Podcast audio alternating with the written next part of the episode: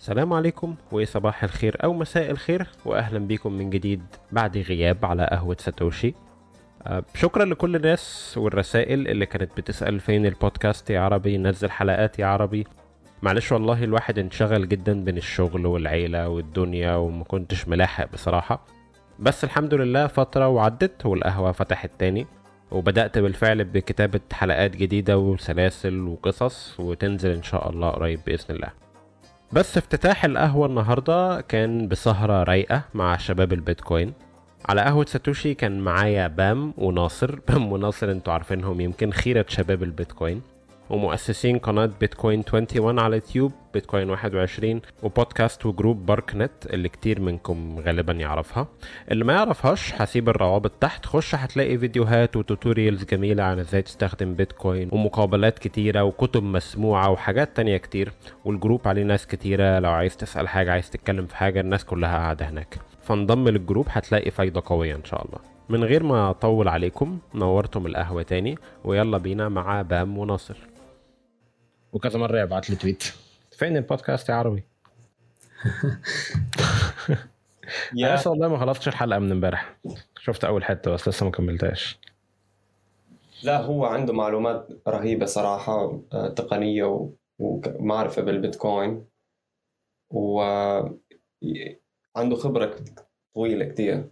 فلقاءه كان كتير انسايتفul إنه الواحد عن جد يجيب معلومات يعني مش موجودة بأي مكان تاني. صعب تلاقي هاي المعلومات داخل السوق يعني داخل سوق التعدين لما يكون حد بيعدن بإيده بتلاقي فاهم كده أنا عمري ما عدنت بإيدي بصراحة. عمري ما جبت hasher ولا أنا. اسمه إيه ASIC وبتاع. أنا أنا مهندس طاقة من 2014 بعرف البيتكوين بس لهلأ ما لمست جهاز تعدين من قبل. أيوه same يبقى ده حاجة من الحاجات اللي نفسي أعملها. أجيب ASIC وأشغله. يا ممكن حتى الناس بتفكر إنه آه، ما حيعود لي مربح أو شيء. بس أنت لما تجربه بإيدك وهيك وتشوفه بعتقد رح تكسب خبرات ورح تكسب بس تصور أوسع عن البيتكوين. رح يفيدك آه، رح يرجع لك بعوائد بس غير مباشرة يعني. وراح تتعلم أشياء كتير. أنا بشوف بحضر فيديوهات أحيانا ب على اليوتيوب كيف بيصلحوا الأجهزة أجهزة التعدين أو شيء كيف بيركبوهم. آه، يعني الواحد بيستفيد هيك كل ما شاف الشيء بعيونه أكثر يعني وخصوصا بإيدك كمان. صحيح. معلومات كثيره ذكرها والله يعني حتى بعد البث قام يتكلم يعني إنه كيف كيف إنهم كل ثلاث سنوات أو أربع سنوات يبيع الأجهزة ويرجع يشتريها مرة ثانية. على أساس إنه يسوي يعني عشان ما يسوي لها صيانة. هذا يخفف عليهم التكاليف. إيه ف أنت عارف في مصر عشان ممنوع استيراد كل الأجهزة دي فلسه الموجود هنا هو ال S9 والحاجات القديمة. جدا. وهنا اتطور ecosystem كده صغير إزاي تصلح ال hashing boards دي من جوه وال technicalities بتاعتها ومش عارف إيه وتلاقيهم عاملين يصلحوا فيها وتشتغل ويصلحوا فيها وتشتغل. وإلى الآن شغالة. يا إذا أنت آه. عندك طاقة رخيصة وكل شيء ما بتهم كفاءة الجهاز. خصوصا آه. يعني بالعالم العربي أهم شيء الواحد يعني يكون عنده كهرباء غير متقطعة يحاول يلاقي طريقة يوازن فيها التيار وهيك. بس إذا كان عندك أغلب الكهرباء رخيصة ما محتاج إنك تشتري آه، الأجهزة الجديدة الموديلات اللي عم تنزل بالسوق هلأ حاليا. لا عادي يعني أي جهاز حيطلع لك يعني. آه يا. بياخدوا كهرباء مجانا هم. بيسرقوها من ورا العداد يعني.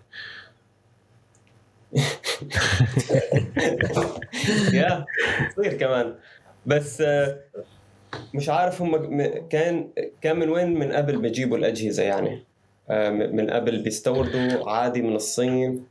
أظن قبل الموضوع ما يتعرف وينتشر زمان أيام الاس 9 بقى وكده زمان يعني ف... فكانوا بيقولوا في الجمارك أو يجي يستوردوها يكتب عليها إجهزة كمبيوتر أو خوادم كمبيوتر. ومحدش فاهم حاجة وبتخش وخلاص. بعدين الموضوع انتشر أو اتفهم فجأة فبقى قفلت كلها.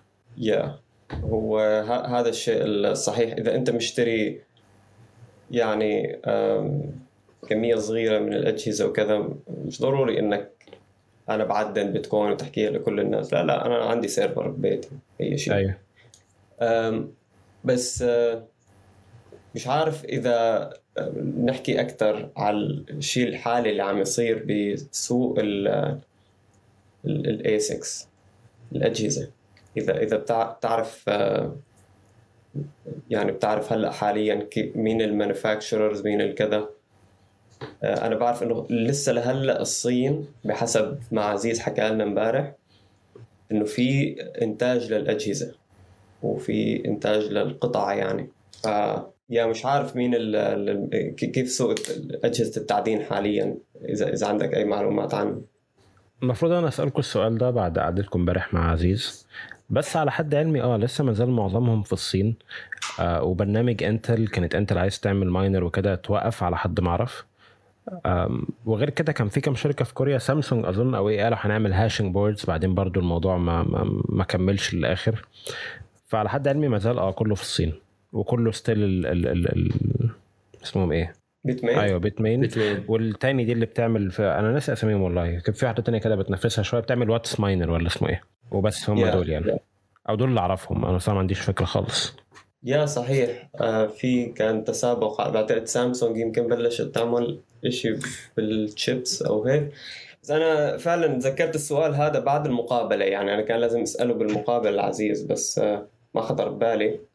وخطرت ببالي أشياء كثير يعني امبارح امبارح كنا عم نحكي عن آه، حظر الصين لل لا احتمالية فك حظر البيتكوين. آه، لساته محظور. بس آه، يعني عم نشوف في حكم امبارح ما بعرف إذا سمعت عنه آه،. حكم ال- المحكمة هذا إنه البيتكوين ممكن يكون ملكية ويتشرع كأنه أصل عادي مش مش كممنوعات يعني آه هو بعد. يعني- بعد المنع في الصين يعني هو هو فيها شريط كتير خرج من الصين بس ستيل كانت التعدين شغال في الصين. هم بس خبوا الدنيا وكملوا تعدين. فعلى حد علمي دلوقتي إنه آه، نسبة التعدين في الصين مش عارف كانت آه، 30 25% حاجة كده. آه، والحركة الوحيدة اللي المنع عملها هو إنه بدل ما كان التعدين في الصين واخد 60 70 أو ايا كان في الماضي كان أكتر من كده كمان. آه، بس بقى متوزع أكتر من كده. آه لقيت التويت أهو إنه في إنه بعد بعد بعد الصين ما منعت التعدين وطردت المعدنين من أراضيها وكده آه بقى نسبة التعدين في الصين كام يا سيدي؟ فين ال- الأزرق؟ آه دي بتاع 20% أو حاجة. حوالي 20% أيوة. صحيح. كانت أكثر من 50% آه وزمان كانت أكتر وأكتر وأكتر من 50 يا. فهو المنع ده يعني جه في مصلحة البيتكوين وما فيش أي حد اتضر في الموضوع. يا هلا عم نشوف كمان هونغ كونغ حكت إنه سوت إطار تشريعي لل- للأصول المشفرة هيئة الأوراق المالية بهونغ كونغ. عم تشتغل على قوانين وتشريعات هلا حاليا. فما بستغرب إنه نصحى يوم من الأيام ونسمع خبر يعني فك الحظر عن البيتكوين في الصين. okay؟ يعني ضل نحن عم نسمع خبر حظر البيتكوين 2017 حظر البيتكوين 2019 الصين تحظر البيتكوين 2020 2023 الصين تفك الحظر عن البيتكوين أو شيء زي هيك 2024 okay أنا عادي نسمع الخبر هيك فجأة. okay طب بهذا الوقت يعني كيف السوق آه، حيستجيب؟ يعني ح... الناس حتجن يعني إنه إنتوا كنتوا معارضين كتير وهلأ كلياتنا مؤيدين للبيتكوين. okay let's go بيتكوين هم كانوا كل سنة ولا كل شوية يطلع لهم في قانون الصين تمنع البيتكوين. وكان كل مرة كده وخلاص. تفتكر بقى لما يجي يسمحوا هيبقى الصين تسمح وبرضه نقعد كل سنتين نطلع قرار الصين تسمح الصين تسمح؟ يا ممكن. تعرف ممكن هذا الشيء لأنه أنا كنت عم أقول إنه في تدرجات للتشريع. ما بعتقد إنه الناس اللي بالصين راح يسمحوا لها إنه تاخذ الوصاية على مفاتيح البيتكوين بشكل كامل وتبعت وتستقبل على كيفها بس إنه حيكون آه، ممكن تشتري بيتكوين ورقي مثلا مخزن عند آه،. جهة ثالثة. مخزن. آه. بس آه، ما بعتقد حيخلوا فهو ممكن حيكون هيك التدرجات إنه الصين تسمح بهاي الشغلة. الصين تسمح بشغلة فوق شوي. الصين حتسمح شغلة فوق أكتر كمان وحتسهل البيتكوين بعتقد هيك يعني حيصير في الدول شوي ال- يعني اللي فيها تحكم كثير كبير. راح نشوف فيها تقبل شوي شوي خطوة بخطوة. صحيح. آه، أمس لما كنا جالسين مع عزيز كان يتكلم عن إنه كيف اجهزه الايسك آه، تصنع في الصين تتصدر للعالم يعني يتم تصديرها للعالم. بس العجيب إنك إذا تبغى آه، ترجع مثلا الجهاز تصدره للصين ممنوع. يعني شيء غريب يعني يعني أوكي أنت تصنع وتصدر للعالم بس إذا تبي تجيب الجهاز وترجع للصين مثلا لا ممنوع. ف إحنا في الوطن العربي عندنا تطورات مؤخرا ورا بعض كده. يعني زمان من حبة كده هو الإمارات في هدوء بدأت تعدين بيتكوين ودلوقتي عمان مش في هدوء بدأت تعدين بيتكوين بشكل علني وواضح. ومش عارف بعد كده الإطار التشريعي في الخليج وغيره. وبعدين أمير قطر كان في السلفادور من من أسبوع ولا من أسبوعين. وأكيد أكيد جابوا سيرة بيتكوين. فعلى ما يبدو الموضوع في الوطن العربي أو في الخليج بالتحديد بيشد حيله بسرعة. العجيب عربك انه الشركات اللي استثمرت في عمان. ترى شركات مملوكة للحكومه يعني. تملك الحكومة منها يمكن 35% أو شيء زي آه. كذا. ففعليا إنه الحكومة العمانية استثمرت في تعدين البيتكوين. هذا هو يعني المفروض يكون الخبر. وفعلا شركات أجنبية لكن الشركات اللي تملك نسبة 35% هي شركات تابعة للحكومة. أيوه. يا حكومة أشخاص أفراد يعني صراحة أنا بيهمني أكثر إنه الأفراد هن يعدنوا بس إذا كمان شركات كبيرة بتشتغل مع حكومات بالدول العربية يصير عندها بيتكوين كويس هذا الشيء يعني. ولو إنه هلا بدولة مثل عمان ما عندي شك إنه هذا البيتكوين راح يشوفوا يعني الأرباح والفوائد والعوائد يلي راح تجي من تعدين البيتكوين ومن حيازة البيتكوين راح تجي بعائد يعني مواطنين دولة عمان سلطنة عمان. بس يعني حتى ولو بدول أخ... بدول أخرى ماني متأكد من هذا الشيء إنه ممكن إذا عدنت الحكومة يعني تعطي شوية للرعية مش عارف يعني. بس شيء كويس إنه بالبلد يكون في بيتكوين أهم شيء الخطوة الأولى يعني. هو صحيح بس المقصد إنه يبين لك الوضع جدي يعني لأي درجة. انه الرقم اللي طرحوه إنهم بيوصلون إلى أتوقع كم قالوا؟ 80 80 ميجا واط للشبكة. يعني هذه يبين لك إنه الموضوع جدي أكثر يعني. في في plan ممكن خطة مستقبلية إنهم يوصلون هذا الرقم. من 11 بيرفعون القدرة التعدينية من 11 ميجا واط إلى 80 ميجا واط رقم كبير يعني. قالوا 100 ميجا واط على آخر السنة. آه، وده يعادل حوالي 0.9% من ال hash rate على الشبكة. ده في آخر السنة بس آخر السنة دي بس. بس السنة الجاية كمان المفروض يزيد لحد 275 ميجا وات آه، أو أكتر من كده. آه، يعني up to حوالي 2.5% من شبكة من تعدين على الشبكة هيبقى في عمان. بس شوي أنت حكيت كم البرسنت تبعت من الهاش ريت العالمي. آه آخر السنة دي المفروض تبقى 0.9 يعني واحد آه واحد في المية إلا يعني. يا بس هو المشروع كله بعتقد آه ممكن يوصل ل 10% المشروع آه السنة الجاية المفروض يوصل ل 2.6% 2.6 وفي الآخر آه الكاباسيتي اللي في الآخر بتاعته حوالي 7% بس ده لو كملوا المشروع لحد آخره آه اللي هو 1200 ميجا وات ده ال capacity أيوة ال full أيوه كده 100% 100% آه. آه. بس رقم رهيب وكبير بعتقد دول مثل آه، مصر في في عندكم بعتقد محطة آه، توليد كهرباء بنى مشروع كبير أيوة. أنا هيك سمعت وعم ينتج طاقة فائضة وما حدا عم يستهلكها ف يعني هذا ممكن مصدر للبيتكوين يكون أو مصدر فلوس يعني هو بالأخير. ما بهم شو هو. انت عم تطلع بيتكوين عم تبيعه. أنت لا تخلي البيتكوين عندك إذا مش مقتنع فيه. بس بعدين يعني المنطقي إنك عندك منجم ذهب يعني عدن منجم الذهب. هو هو في مصر راحوا استثمروا كتير في محطات توليد طاقة بالغاز وغيره. فمن ناحية توليد الكهرباء في كاباسيتي عالية قوي توليد كهرباء بس على حد فهمي إن المحطات دي بتشتغل بالغاز والغاز هو اللي فيه المشكلة مش محطات توليد الكهرباء. بس في كل الأحوال آه مصر عموما فيها والدول العربية كلها كلها تقريبا تتميز بكده. كلها فيها مصادر طاقة كتيرة جدا من بترول لغاز لطاقة شمسية لغيره. آه يعني بص على طول في ليبيا ليبيا كانت واخدة ترتيب عالمي على كانت أعلى دولة عربية مش فاكر كانت واحد وشوية في المية أو حاجة في ليبيا تعدين.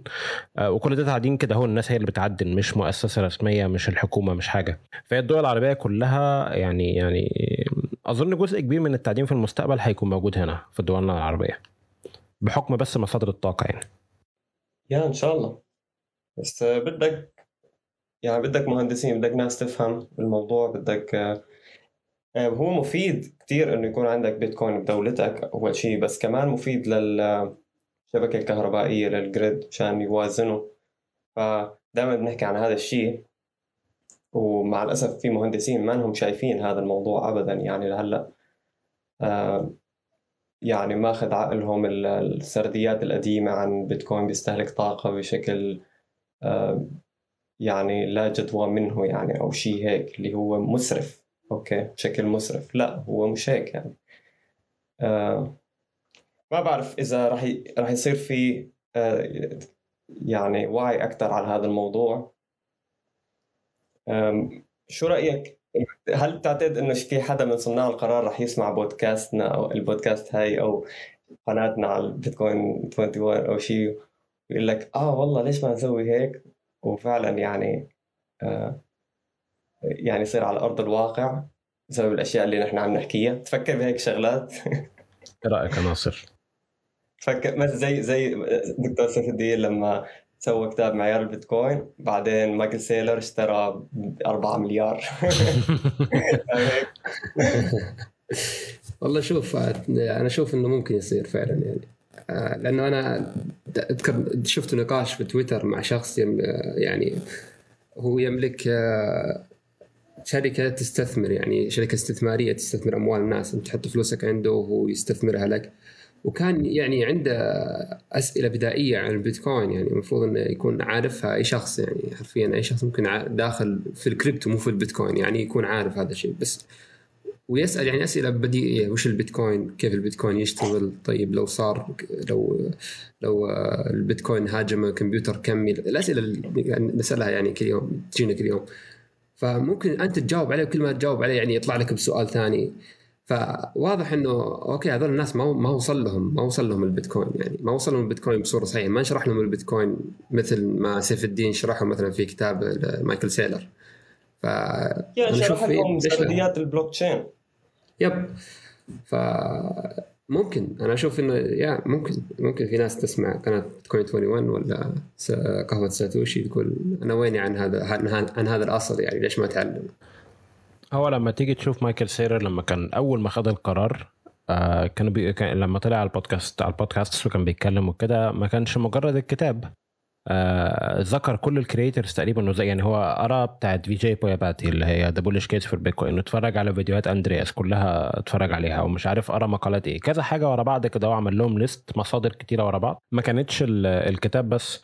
فهي نفس القصة في, في الوطن العربي. أظن في مرة من المرات لما يجي صانع قرار أو راجل businessman كبير أو مدير صندوق استثمار أو غيره ويجي في الآخر يفهم ويستثمر في الموضوع ده لما تيجي تدور على مصادر بالعربي أو بالإنجليزي أو غيره هيلف لفة على الحاجات دي كلها. ومن أسهل الحاجات إن هو يتفرج علينا يا إما على فيديوهات بالعربي podcastات بالعربي أو غيره وعنده طبعا كل المصادر برضه بالعربي. ففي كل الأحوال ال material موجوده أو الحاجة موجودة. كان في حد امبارح عندنا في التليجرام group كان بيقول إن هو بالنسبة للمستمع العربي أو للمطلع العربي الموضوع سهل إنك تلاقي المعلومات.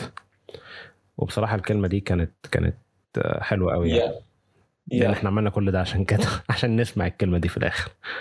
يا صاحبنا دي جوبز هذا حكى هاي الكلمة فرحتنا صراحة جدا. لأنه وهو حاليا عم يشتغل هو كان معنا بكلوب هاوس أيام زمان لو بتعرف عربي بس آه، هلأ آه، صار واعي أكثر للبيتكوين وراقب المحتوى اللي عملناه وشاف الفيديوهات وهيك وقال لك إنه لأ خلينا آه، يعني نساعد الشباب وكذا وما شاء الله عليه عم يسوي يعني آه، عم يساعدنا بالنشر وشغال آه، معنا دي جوبز. shout out آه shout out جدا. يا shout out لدي جوبز. لا الكلمة دي honestly الكلمة دي بجد. أصل الواحد بدأ الموقع والبودكاست والتويتر عشان في الآخر لما يجي المستمع العربي ولا المطلع العربي يلاقي المعلومة جاهزة. يلاقي المعلومة موجودة. مفيش عائق لغوي مفيش حاجة. فهي هي هو جابها في الجون بصراحة. 100% أنتوا إيه اخباركم في 21 أخبار اسبوعية؟ آه عم عم نسوي نحن بلشنا هيك. آه نحن بس بدك. بدك تعرف انه لما بلشنا ركزنا أكثر شيء على بناء المحتوى لأنه مش موجود. الأساسي موجود ببيتكوين اربك دوت اورج وبس. آه بس مو موجود على format فيديو يكون مثلا قصير أو شيء هيك. أو شيء عملي يعني تطبيقي كيف تستخدم محفظة وكذا هاي الأشياء. فنحن بس هيك عم نعبي يعني الفجوة هاي ال gap. وفترة هيك تقريبا سنة صرنا عم نشتغل بالمشروع. كان آه، أكثر مركزين فيه على المحتوى من النمو أو نشر المحتوى. نشر المحتوى آه، بنسويه. نحن كنا بننشر على تويتر على أي مكان كذا بس بننشر بس linkات بدون شوية marketing أو شوية attention seeking يعني إنه نحاول إنه نسوي postات آه، شوي آه، الناس فينها تتفاعل معها أكثر آه، مش إنه بس هذا ال link وأحضر هذا الفيديو وغير ال platform اللي أنت كنت عليها وروح على platform تانية. صعب يعني إنك تجيب المستمع بهي الطريقة. لازم إنه شوي شوي تبعت له شورت من هون. يعني تعمل postات قصيرة حلوة معبرة بتبين لك يعني مثلا قديش في قيمة بهذا المحتوى. في قيمة كثير كبيرة بس نحن قلصناها ل يعني شيء صغير. ف فهلأ لحتى بعد سنة لحتى بلشنا الجروث ف يا مهم مهمتنا كصناع محتوى أنا وناصر نحن اللي شغالين عليها أكثر شيء وفي الشباب عم يساعدونا كمان. آه، هي إنك تسوي محتوى مفتوح المصدر للبيتكوين مثلنا مثل أي حدا بأي لغة ثانية في في ناس كثير بتسوي نفس اللي نحن بنسويه بس باللغة الفرنسية مثلا في ديكوفري بيتكوين. آه، في باللغة الالمانيه باللغة كل اللغات بيكون في ناس آه، بس بترجموا الأشياء التقنية مشان الناس يعني بس تاخذ إيدها لأنه التعامل مع البيتكوين شوي صعب وفيه احتمال الغلط فيه قليل إذا أنت بتعرف تسوي هذا الشيء بس كثير كبير إذا ما كنت بتعرف هذا الشيء وعواقبه وخيمة جدا. أوكي فهو صاير أنا بشبه التعامل بالبيتكوين مثل والمحفظه الخارجية أو ال non-custodial wallet بأنه هي زي حزام الأمان. لازم أنت تتعلم تحط ال seat belt وتمشي وكذا بالسيارة بس لازم تسوي هذا الشيء. إذا إذا ما سوي هو شيء سهل جدا بس إذا ما سويته عواقبه كثير كثير كبيرة. أوكي؟ ف يا هذا اللي عم نحاول نسويه إنه يعني نعلم الأسس الأمنية والتقنية للبيتكوين لأنه هي آلة بالأخير هي تكنولوجيا. ف بدنا نتعلم كيف نستخدمها أكثر من ما نركز والله على السعر اليوم ولا آه، خبر منصة مدري شو صار فيها. عم نسوي هذا الشيء هلأ حاليا بالحصاد الأسبوع. آه، بس آه، يعني كان تركيزنا السنة الماضية على هاي الأشياء اللي حكيتها. يا سوري طولت عليكم. بس هذا هيك يعني ملخص للبيتكوين 21 طب هسألك سؤال. لما بتيجي ت orange pill حد أو لما تيجي تقدم حد أول مرة البيتكوين بتقعد تقول له لا افتح محفظة كده واكتب كلمات وبتاع ولا ممكن تديله non-custodial wallet Blink مثلا لا. أنا أنا بحكي لك شو شو هي بعد يعني خبرة طويلة بالتفاعل مع الناس بموضوع البيتكوين ومع حضارات كثير مع ناس من مختلف دول العالم. وبيختلف بتختلف حالتهم المادية أو مثلا مهاراتهم التقنية عن عن بعض أو اهتماماتهم. في ناس ما بتهتم مثلا بالجانب التكنولوجي بتهتم بالجانب الإنساني مثلا. فأنت بدك يعني بدك أنت تحكي معهم بموضوع الخصوصية مثلا بدك تحكي معهم ب يعني موضوع ال permissionless لا يحتاج إلى إذن البيتكوين. أي واحد فينه يدخل بدون هوية بدون شيء. ف هاي الأشياء مثلا بتركز فيها أول شيء بالحديث العام. وبعدين آه، تحكي للشخص إذا مثلا آه، هو عنده 4G أو شيء فينك بس تنزل هذا ال application آه، نزل Wallet of Satoshi أي حاجة. وأنا ححكي له قبل هو ممكن يقول لي آه أنا حنزل تطبيق ومش عارف إيه. بس أنا أحكي له آه، التطبيق ما حيسألك إنك آه، لا تسوي sign in ولا تسوي ايميل ولا تسوي أي شيء. ما حيسألك عن معلوماتك. بس نزل التطبيق وهو هو فيه بيتكوين حيكون فاهم كيف؟ فهو بينزل التطبيق بعدين بنسوي استقبال وببعث له شوية سات وبقول له ابعث لي هلأ سات. وبحكي له شو هي السات. وبعدين بقول له إنه كل سات كذا كم بيتكوين. بعدين البيتكوين الوحدة هلا حاليا سعرها كذا وما في غير 21 مليون بيتكوين فقط لا غير هاي قواعد اللعبة أيوة. يعني. أوكي فإذا بدك تنضم يعني أهلا وسهلا اللي هو شيء completely يعني عفوي وما ما بالغصب يعني أنا تقريبا نفس القصة بس ببدا ببدأ كده اهو بسم الله كلام. انت ما عندكش بيتكوين؟ ما تعرفش إيه بيتكوين؟ لا ما طب نزل بس ال app ده كده نزل ال app ده. بص ادي كده بقى عندك بيتكوين. إيه ده بقى؟ إزاي يعني ابدأ بقى اشرح وكده؟ لاحظت لما بقعد اشرح للناس من الأول بقى إيه اهمية كذا وليه بيتكوين مش عارف إيه بحس ان هم إيه يعني تاهوا كده مني ناموا مني يعني. بس لما ابدأ له كده ويقول لي يعني أنا كده عندي بيتكوين آه يا عم انت كده عندك بيتكوين. فيبص بقى كده ويستغرب ويعني هكسب لا مش تكسب ما تستعجلش قوي يعني. بس بس هنا يبدأ يفهم بقى يشوف وبعدين بركز جدا بقى أقول له بص أنا بعتها لك إزاي بيني وبينك؟ ما فيش حد ما استأذناش من حد ما فتحناش حساب في حاجة. أديك نزلت الآب بعتها لك وإحنا الاثنين قاعدين كده. مالناش دعوة مين وقف إيه مين عمل إيه ولا لنا دعوة بالدنيا. بعتها لك بيني وبينك.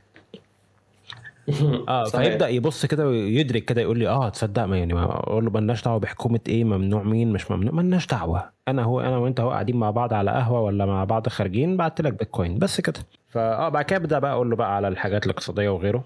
يغيب كده مدة مثلا بقى فاهم يجيب الخروجة اللي بعديها أسبوع شهر بتاع ولا إيه جاي معاه أسئلة.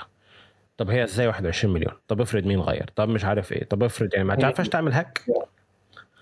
آه تلاقي بقى الأسئلة الحلوة كلها بدأت تجي لك وكده. يعني أنا في واحد والله صاحبي قبل كم يوم سألني من إيطاليا وحكى لي إنه أنا بشوفك بتحكي عن البيتكوين بدي أعرف أكثر وهيك. أنا بعرفه لهذا الإنسان له دخل بالحقوق الإنسان والمنظمات وهي الأشياء. ف حكيت له أول شيء لا تستنى لحتى أعطيك مصدر أو شيء تتعلم.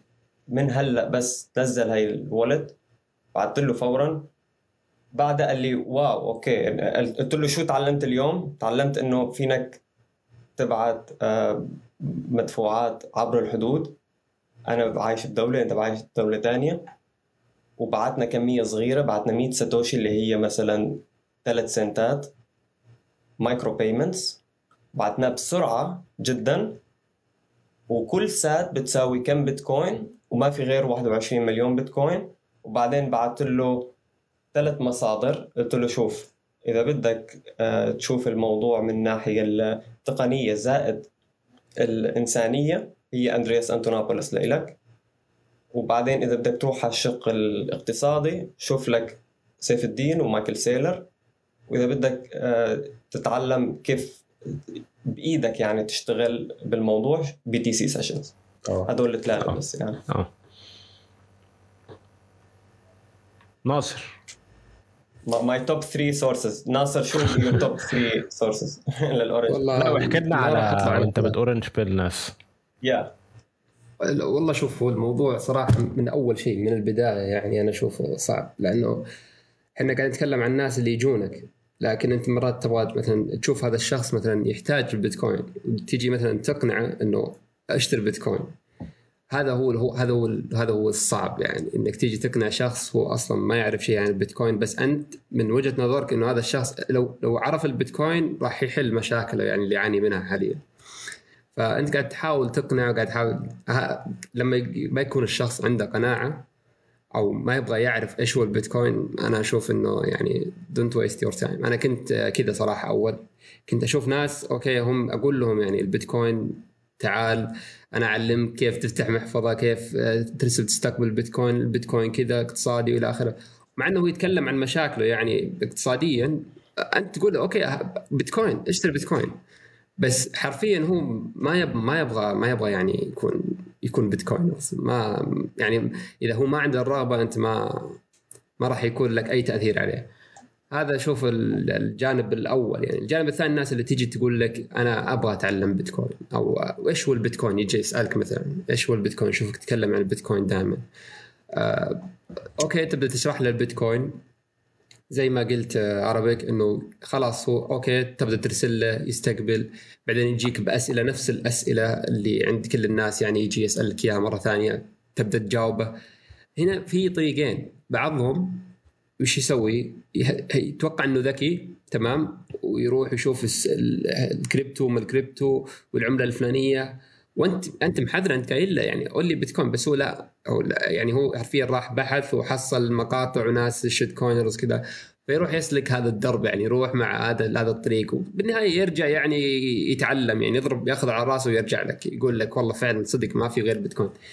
آه، الطرف الثاني لا هذا الشخص اللي فعلا تبدي معه تبدأ معه لونج تيرم يعني خلاص تبغى يجي يسالك كل فترة كل فترة يعني هذا يعني من عشرة يطلع لك واحد للأمانة يعني. البقية يعني هذا الطريقة يا أما يرفض مرة ما يبغى البيتكوين يا أما إنه يروح shitcoin يعني. في الكثير من أكثر الحاجات اللي بحسها في التعليم العربي بالذات ما أعرفش بقية اللغات إيه بس العربي أو يمكن المصري مثلا يعني أنا مرة في مصر هنا كنت بتعامل مع dealer حد يبيع ويشتري بيتكوين يعني مقابل كاش دولار أو مصري أو كده. ناس كتيرة جدا ما تعرفش تفرق ما بين بيتكوين وباينانس وناس كتيرة قوي لما تقول لهم تشوف بيتكوين اي حاجة يقول لك آه أروح أعمل sign up على باينانس. لا باينانس حاجة وبيتكوين حاجة. لما تيجي مثلا تسحب بيتكوين أو ت deposit بيتكوين أو حاجة تودع بيتكوين يقعد يشوف confirmation المنصة لأن هو confirmation الشبكة. يا عم لأ ده المنصة حاجة والشبكة حاجة. لاحظت إن مشكلة ال shitcoining دي أو مشكلة ال shitcoiners بصراحة الناس اللي على تويتر اللي ما بيفرقوش ابدا بين ده وده وعلى طول بيضللوا الناس بالطريقة دي. بيخلوا بيخلوا الناس الجدد كلهم مش فاهمين الفرق ومش فاهمين إن بيتكوين حاجة والمنصات دي حاجة ومش لازم منصة عشان تتعامل مع بيتكوين. والموضوع ده في نظري من أكتر الحاجات اللي بتجنني بصراحة. بت... تقعد تعلم الناس إنه باينانس مش هي بيتكوين مش كل حاجة باينانس في في واحد يوتيوب كده هو مش عارف اسمه إيه أنا شفته وأنا بدور مرة كده. كان اسم الفيديو يعني علمك إزاي تفتح حساب على بيتكوين وتتداول وبتاع. أنا قلت تفتح حساب على بيتكوين فقلت إن نهارك يعني ملون. تفتح حساب إيه يا عم أنت؟ طبعا على طول من الصورة اللي بره لقيت لوجو باينانس قلت أيوه بس كده أنا فهمت. من غير ما أفتح أنا فهمت اللي فيها يعني. تعلم صح صح. آه، تعلم كيف تفتح حساب على البيتكوين. بس ما حدش بيتعلم ببلاش. ما حدش بيتعلم ببلاش. صح. صح. هو أنا أقول لك إنه يعني أنا من خبرتي إنه يجونك النوعين دول من الناس. نوع أنت شايف إنه يحتاج بيتكوين بس إنه ما ما ما يعطيك فرصة تتكلم معه بخصوص أوه. البيتكوين. والنوع الثاني اللي هو يعني عنده خيارين يعني إنه يروح يتعلم shitcoins هم بالغالب يسوون كذا وبعدها يرجع بسنة يقعد يخسر كل فلوسه يرجع لك. اوه والله فعلا ما في البيتكوين هو الشيء الصح okay يلا خلاص. أنت الآن تعلمت الدرس ما يحتاج يعني أعطيك درس من البداية إيش هو البيتكوين.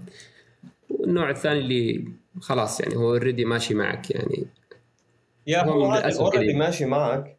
يعني خلينا نروح على الخطوة الثانية بالنسبة لنا نحن كيف بدك آه، تعلمه بشكل صحيح إنه okay بلش يشتري. أنا بالنسبة لي مثلا بحكي لهم يشتروا من آه، منصة زي ريلاي مثلا يعني مرة واحدة يسووا لها setup يعني وبتعمل لهم خطة آه، خطة ادخارية كل شهر أو كل أسبوع فينهم يدفعوا مثلا فينهم يشتروا بخمسة دولار عشرة دولار. زي ال rate اللي بحددوا آه، في ناس من دول أخرى طبعا ما فينك تعطيهم هي هذا الحل يعني بدك تحكي لهم okay روح على كراكن أو على بتفينيكس أو شيء آه، حاول تجيب USDT ومن هالحكي عندنا صار فيديوهات عن هذا الشيء الحلاوة إنه سوينا نحن فيديوهات كاملة يعني تطبيقية إنه كيف تروح تشتري تفتح المنصة تسوي verify لل آه للهوية وهيك سوى الفيديو بعتقد ثاني. آه, آه shout ثاني كمان. ساعدنا كثير كثير ثاني. في كمان tutorial راح ننزله. عن استخدام محفظة سبارو بشكل آه، للمبتدئين وكمان للمحترفين اللي بدك تسوي coin control و consolidation أو أشياء زي هيك يعني. آه، صحيح. Yeah. آه هو لأنه زي ما قلت بام هي تعتمد على حسب المكان اللي أنت فيه. يعني أنت لما يجيك شخص تعطيه نصيحة لازم تعرف هو وين بالضبط يعني الدولة اللي هو موجود فيها. لأن زي ما قلت بعضهم okay ينفع له ريلاي نفس ما قلت. بعضهم ينفع له سوان مثلا. بعضهم لا يقول لك أنا ما ينفع الا اشتري USDT بعدين أروح احوله وأشتري بيتكوين لأن ما أقدر أشتري بيتكوين direct فهذول ممكن تبدأ تتكلم معهم إنه آه، أول شيء كيف ت simple يعني خل خل الموضوع معهم بسيط مرة. أول شيء كيف يسجل كلمات 24 كيف يشتري محفظة باردة. أنا أهم شيء عندي صراحة إنه ما ينزل تطبيق بالبداية ويشتري لا. أنا أقول دائما أبدأ إنك تعلم كيف أول شيء تخزن بيتكوين بعدين اشتري بيتكوين. يعني أهم شيء إنك تخزن البيتكوين بصورة صحيحة بعدين تقدر تشتري بيتكوين. ممكن إنك تبدأ مع مثلا سالو استقبال البيتكوين توريه انه كيف البيتكوين مثلا شبكة البرق والبيتكوين والطبقة الرئيسية تشرح عن هذه الأمور عمليا. بالبداية بس أنا أقول لك آه، بعضهم يجي يقول أنا خلاص أنا بشتري بيتكوين الحين. أنا أقول لا تشتري الحين. إذا أنت ما إذا ما عندك إعداد صحيح آه، كيف تخزن البيتكوين لا وقف هنا. أول شيء تعلم كيف تخزن البيتكوين بصورة صحيحة بعدين اشتري بيتكوين.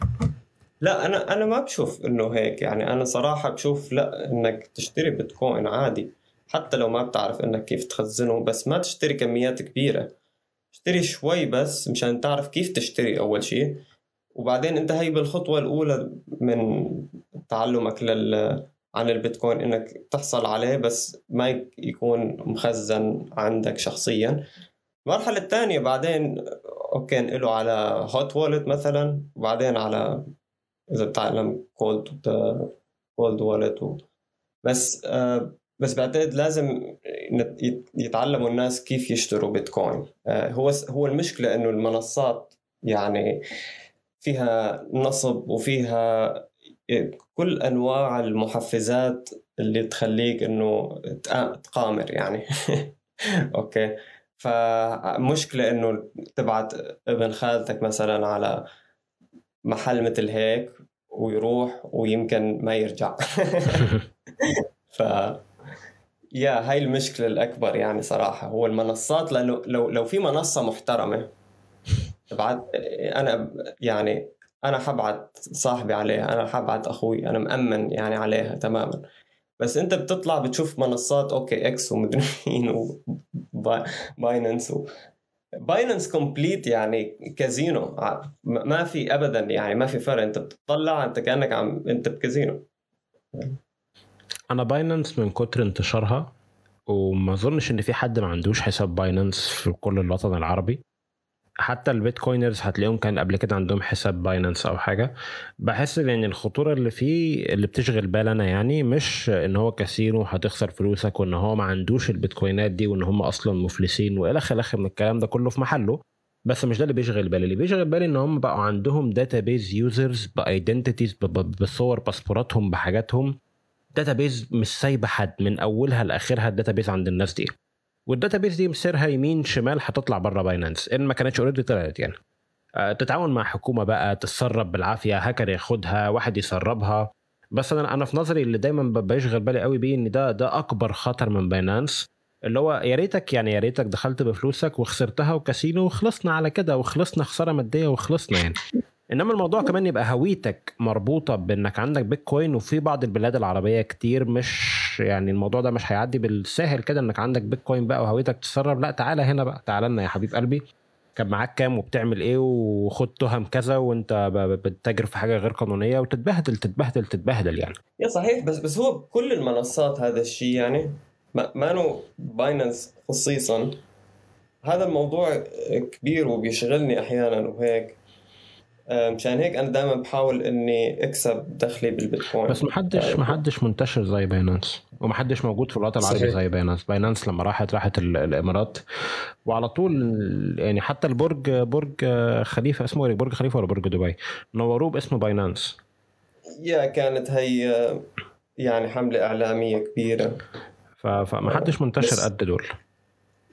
صحيح. ما بعرف إذا هلأ بيشتغلوا باينانس بدبي مش متأكد. هو موجود بيته ل CZ هو عايش بالإمارات على فكرة. آه. لأنه الإمارات مع موقعه آه، معاهدة extradition آه، أو بسموه طرد بين أمريكا وبين الإمارات. ما في هيك شيء تعرف ال extradition آه ترحيل للمطلوبين ترحيل أيوه. فمش للمشاكل القانونية وكل شيء لا خلص يعني هو حامي حاله ما شاء الله عليه. بس شوف CZ يعني مشكلة واقع بمشاكل كتير كتير. يعني حتى الموظفين يلي تسرحوا وهي حكوا إنه حتى الموظفين اللي ما تسرحوا اللي ضلوا موجودين حكوا إنه CZ المفروض هي needs to step down لازم يتنحى عن منصبه على الأقل. يعني من كثر ما في يعني آه، مشاكل آه، مشاكل تشريعية وحتى مشاكل فساد يعني ممكن تكون.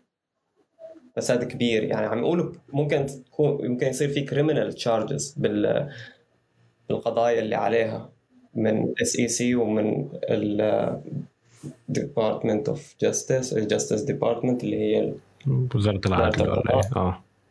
yeah آه ف يعني القضايا كبيرة اللي صايرة. وتأثير باينانس على السوق كثير كثير كبير. يعني ما فينا الواحد ينكره.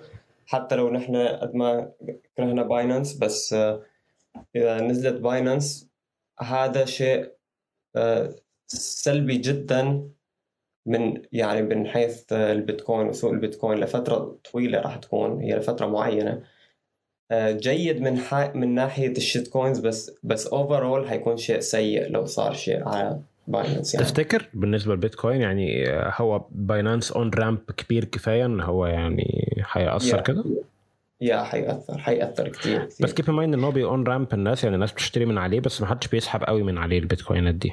ال users العاديين.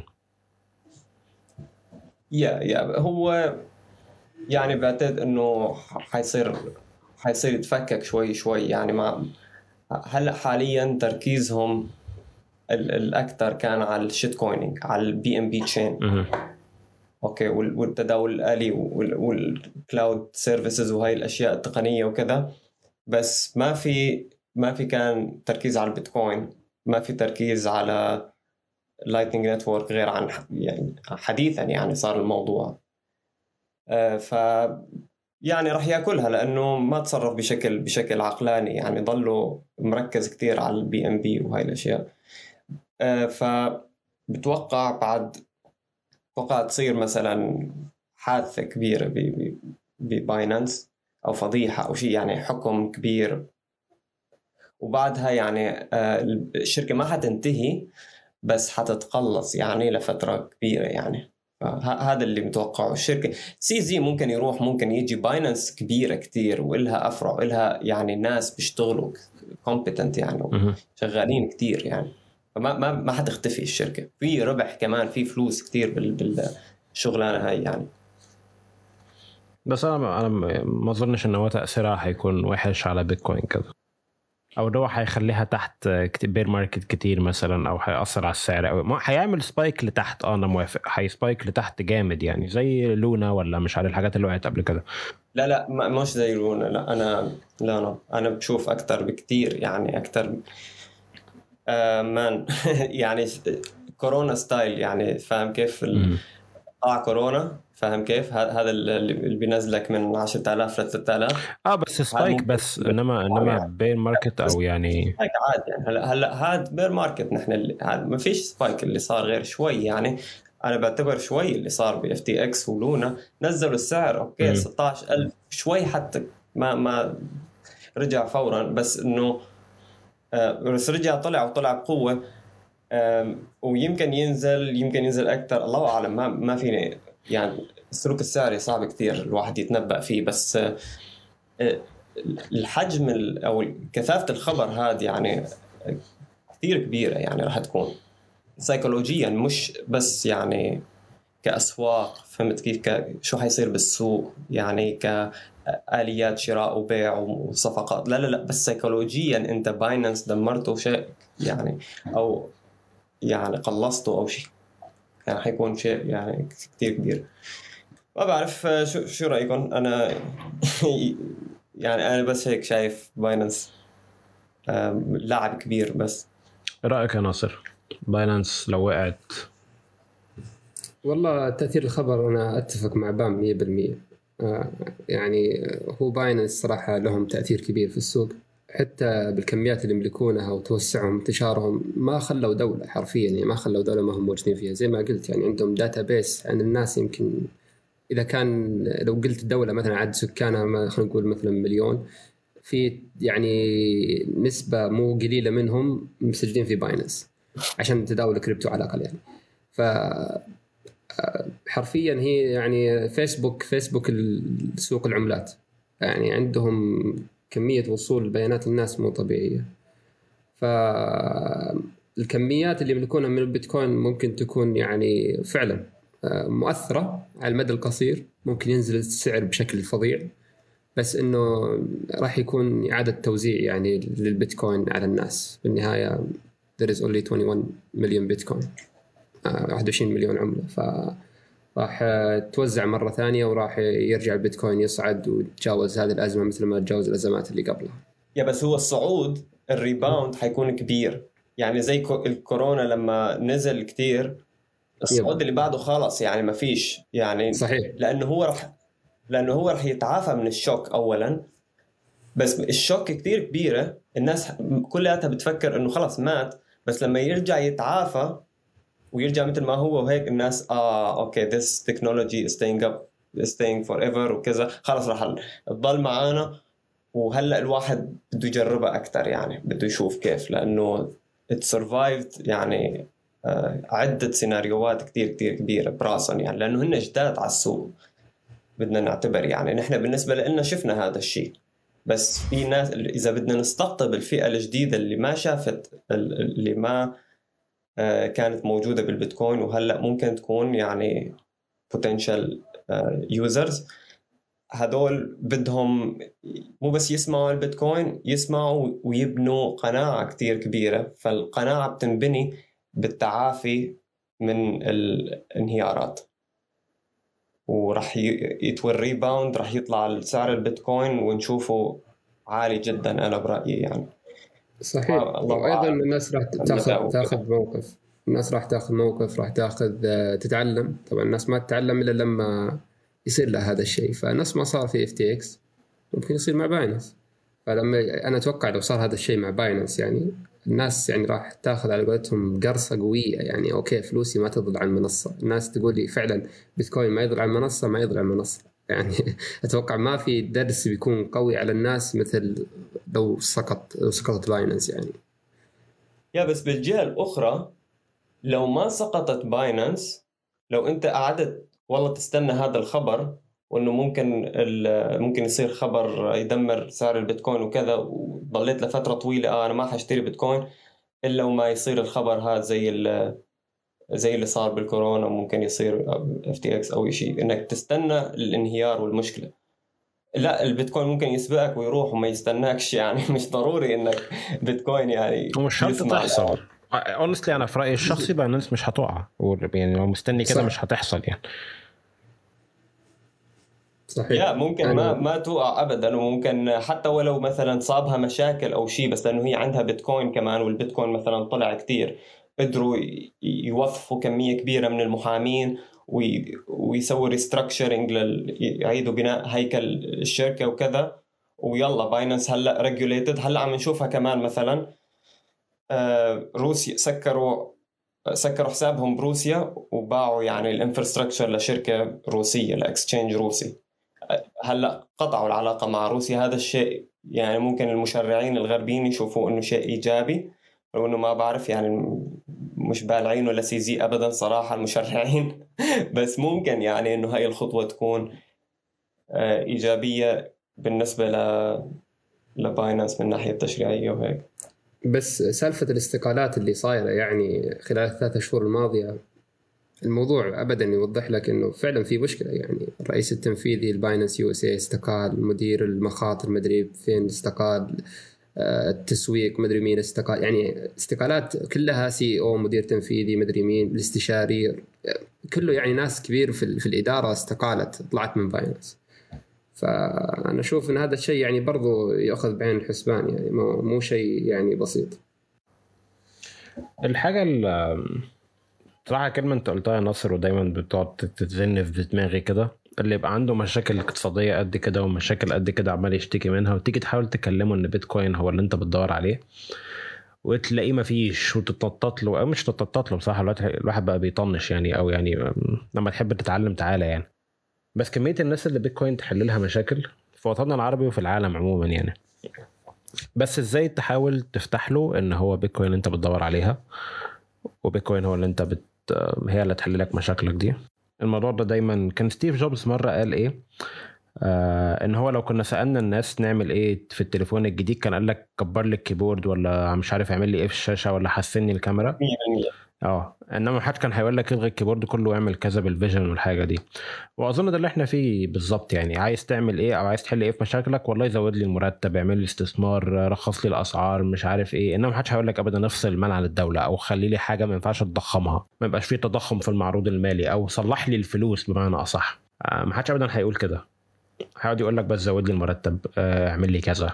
مش عارف رخص لي اعمل لي رعاية طبية ورعاية صحية وبتاع. يا هذا هذا الشيء تعرف المثال بنشوفه نحن كصناع محتوى. لما مثلا يسألونا أنتوا ليش ما بتسووا محتوى آه، يعني آه، قصير أو أو محتوى آه أنا شفت ال comment ده. للفهم أو هاي الأشياء مثلا آه، أنتوا بتطولوا في بعض الأشياء بتكون معقدة. مثلا كيف إنك تشغل ال hardware ليش ساعة كاملة أنت عم تشرح كيف عم تسوي ال hardware وهم بدهم بعض الناس بدهم يقولوا لي إنه لا اختصر. في أحيانا قرارات أنا باخذها كصانع محتوى إنه معلش هي يمكن أنت مش لك يعني هذا الحل بس هذا الحل لازم يكون موجود وهذا هو الشيء السليم اللي إنك تسويه إنك تمسك ال hardware تكتب الكلمات بالترتيب تسوي restore أول مرة يعني مثلا تمسح المحفظة وترجع تكتب الكلمات من أول وجديد. هاي الأشياء بيقول لك لا شيلها مش ضرورية وكذا. يا بس أنا ما حشيلها لأنه هي بالنسبة لي ضرورية. أنا عارف إنه آه، آه، جماهيرنا يعني كل واحد عنده نظرة معينة مثلا على كيف إنه لازم يكون آه، شرح البيتكوين. بس البيتكوين المفروض يتم أخذه يعني بجدية أكبر. فهو بس حلوة شغلة ستيف جوبز إنه أحيانا ما بدك تسمع ل إيش بده المستخدم يعني؟ بدك تسوي الشيء اللي المفروض يتعودوا عليه الناس. صحيح. صحيح. اللي لاحظناه برضو إنه آه عند الناس دولة يكون عندهم مثلا تفضيل الزمني جدا جدا مرتفع يعني. ما والله متعب الموضوع عايز يعني. أكسب فاهم إنه بالضبط. أبغى حل سريع. يعني حرفيا تقول له أنت الآن تبي تخزن بيتكوين ب 24 كلمة. هذه 24 كلمة مهمة. تشرح له هذا الموضوع. يعني الموضوع مهم. هذا الموضوع خلاص أنت بتكون ثروات كثروات هاي بتحفظها في ال في ال 24 كلمة هذه. طيب اجلس اسمع اجلس شوي افهم. طيب لا يبغى يخل... يقدم مقطع. يا أخي خلاص يا أخي هو مقطع أحضره بس نص ساعة وبعدها شكرا يعطيك العافية. أنت الآن صرت تقدر تخزن كلماتك وتحفظ البيتكوين بشكل مستقل بسيادة ذاتية كاملة. لكن هو يبغاك تسوي له كل هذا بخمس دقائق و... وبعد فترة بيجي يمكن خسران البيتكوين تبعه بسبب انه ما سوى الطريقة الصحيحة. يعني. أظن ان جزء كبير من الحكاية دي إن الناس مستعجلة قوي ومش مهم. عارف والله ناقص واحد يقول لك طب ما ينفعش أكتب كلمتين بس. بس أظن جزء كبير من المشكلة دي إن الناس مش مقدرة مدى ممكن سعر البيتكوين يوصل لفين أو إن دي ثروة حقيقية أو مش مقدرين الموضوع ده ممكن يوصل لفين أو مش ممكن هو هيوصل لفين. أظن لو الناس بدأت تقدر مدى مدى الابسايد أو مدى المستقبل قد إيه قدام بيتكوين إن إحنا لسه في اول اول أول مراحل بيتكوين. بس هو صعب قوي قوي قوي مش صعب مستحيل. تقنع حد أو تفهم حد بإيه المستقبل اللي ممكن قدامك إن إحنا لسه إحنا كام في المية تبني؟ يعني على أكبر أوسع أتخن تقدير ما عدناش 8 7% تبني بيتكوين في العالم وده تقدير يعني مفتوح قوي ده هي في الحقيقة في نظري في الحقيقة أقل من كده بكتير. تبني بيتكوين حقيقي. تبني بيتكوين حقيقي ما بعتقد مش افتح كريبتو واعمل تداول وبتاع مش عارف إيه. كتير يعني يمكن 1% آه.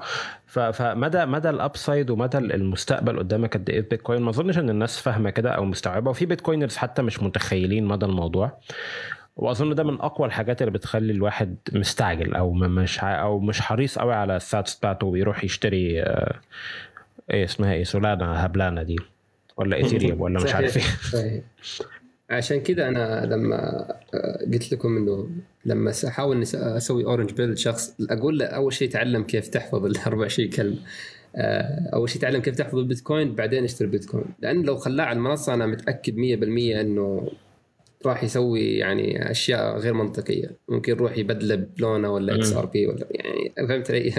يعني الهبل ذا ممكن يسويه بأي لحظة يعني مجرد ما يشوف مقطع ولا تغريدة ولا توصية من شخص. ف دائما أقول يعني لازم يتعلم أول شيء الأساسيات يخفف من التفضيل الزمني تبعه ويستعلم بعدها خلاص يعني ممكن يكون شخص. okay أنت بتكون bitcoiners يعني. بعدين ال influencers shitcoiners العرب على تويتر وحتى الأجانب والله guilty بس خلينا في العرب دلوقتي. وفي منهم ناس مشهورة جدا وناس traders وكلام كتير وبتاع وكلهم بيقيسوا الربح والخساره بالدولار مش بالبيتكوين. which is fine لو أنت مش مقتنع بالبيتكوين مش ده موضوعنا يعني. بس أنت قاعد بتقيس الربح والخسارة ولما يجي XRP ولا تطلع يقول لك بص عملنا trade فيها 20% وخلاص قفلناها ودلوقتي أرباح مش أو كلامك الهبل ده. ففي الآخر أنت أنت okay يا عم هي هي مش XRP اللي طلعت ومش لونا اللي طلعت ده بيتكوين هي اللي طلعت. وال XRP طلع أقل ما بيتكوين ما طلع. فأنت لو مسكت بيتكوين كان زمانك ارباحك أكتر. يعني أنت على كل الحفلة اللي عمال تعملها وتتابع الأخبار وتقيس الحاجات وتشوف السوق وتتعلم technical analysis وتتعلم مش عارف تقرأ ال chart إزاي وتتابع ال influencers وال followers تستنى القضية وتعمل بطيخ ده كله ما كانش له أي داعي. وكان ممكن بس تمسك بيتكوين بس كان ربحك تو هولد بيتكوين كان ربحك بالدولار هيبقى أعلى. يعني يعني بس لو مسكت بيتكوين وخليتها في محفظتك كان ربحك بالدولار بقى أعلى من كل اللي أنت عمال تعمله ده. إزاي تفهم ال influencers دول كلهم بقى والناس اللي بتتبعهم إن هو أنت مش عارف حتى ت outperform السوق بس يعني ت outperform الحاجة الرئيسية؟ أنت بتحرق الحرق ده كله بدون داعي. صحيح. تعرف آه اربك أكثر أكثر عملة بعتقد راح تنهار بطريقة كثير كبيرة وراح يعني تنهار آمال الناس اللي حاملينها هي عملة ريبل يعني ريبل مش بس عليها القضية لهلأ وعلى فكرة ممكن يصير فيها في طعن ومستعجل كمان لأنه في عدة قضايا مرتبطة بهي القضية كثير يعني في في خمس قضايا على الأقل مرتبطة فيها. فإذا مش بس إذا صار هذا الشيء نحن شفنا already ال performance الأداء تبع XRP بال bull run الماضي ما طلعت لل all time high تبعها. مش بس هيك يعني حتى لما إجت الأخبار على الاساس كويسة للمحكمة وكذا آه، طلعت شوي ال XRP بعدين رجعت نزلت. يعني زي pump and dump يعني pump and dump هي هي يعني طلعت هي طلعت آه فلما تشوف الناس حاطين على تويتر هتلاقي chart تقول oh wow. تقوم أنت داخل كده أنا قمت داخل بنفسي كده قلت بص هي رجعت تاني يعني لزمان ومش عارف إيه تقوم عامل zoom out كده. تقوم ميت من الضحك. آه. تقوم ميت من الضحك على طول. بالنسبة للبيتكوين. لا أنت شوف كمان ال chart بالنسبة للبيتكوين بضحك كثير حاجة حاجة حاجة يا مسخرة. يا إنه إنه حتى ال pump كانت إشي صغير كثير كثير يعني laughable يعني صراحة. ما بدي أشبهها بشيء معين بس كثير okay. بس شوف بالنسبة للناس اللي حاملين عملة ريبل في بعض الناس سيكولوجيين بيقول لك والله أنا بال bear market راح أستحمل ال bear market كله هذا وراح أشتري أكثر buy the dip ومدري مين لما يجي ال bull market والبيتكوين يطلع وكذا ريبل راح تطلع كثير وراح تهزم الناس كل. بس مان هذول عايشين ب... يعني كيف بدي أحكي لك؟ حتى الناس الجدد اللي على السوق وهلأ حاليا استراتيجيات ال shitcoiners اللي يعني الجديدة صار كلياتها اشتري بال shitcoin جديدة ما كانت موجودة من زمان. أي. هاي الاستراتيجية. أي. okay. ليش تشتري shitcoin قديم؟ okay. ف... اشتري فريش شيت آه fresh shitcoin okay بي يعني صورة جديدة ب narrative جديد. okay. سردية جديدة. ويلا سوق. بس مو بس كذا يجي يقول لك يقول لك إنه يا أخي شوف سعر هذه هذه المنطقة عندهم شوف سعر ال XRP كم وشوف سعر البيتكوين كم من راح يطلع؟ ال XRP عندهم ال XRP لأنه كيف سعر سنتات المفروض إنه يروح بقول لك إيه. المفروض يروح لل 100 دولار يعني ليش ما يروح لل 100 دولار 200 دولار؟ البيتكوين طالع خلاص already 26 ده شغل دوش كوين ده. لا بصراحة بما إنكم جبتوا سيرة XRP يعني والواحد ما كانش عايز يقول كده على البودكاست بس هو ال XRP holders يعني عليهم نوع فريد من الذكاء كده مش هتلاقيه في أي coin تانية. ودايما دايما تلاقيهم كلهم بيشتموا في بيتكوين بطريقة ودايما احتجاجاتهم بتكون والله والله بتكون فريدة من نوعها كده غير أي حاجة تانية يعني. أنا مش عارف XRP دايما أول ما بلاقي حد كاتب في ال bio ولا بيفخر إن هو XRP holder ولا بيتابع أخبار ال XRP بتوقع على طول إن أنا هلاقي يعني إيه ابعد ابعد عشان إيه يعني يعني هيجرى لك حاجة من الذكاء اللي هتقراه.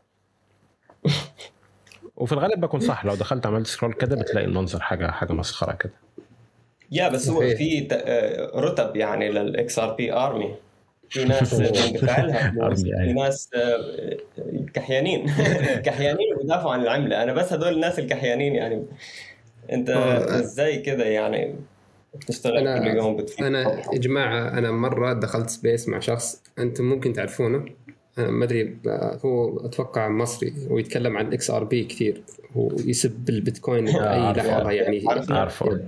حتى نذكر. هذا الشخص يا إخوان والله إني آه ما أكذب عليكم يعني إنه كان كان يقول إنه إذا وصل سعر ال XRP ل 5 دولار أو ال 10 دولار راح يبيع.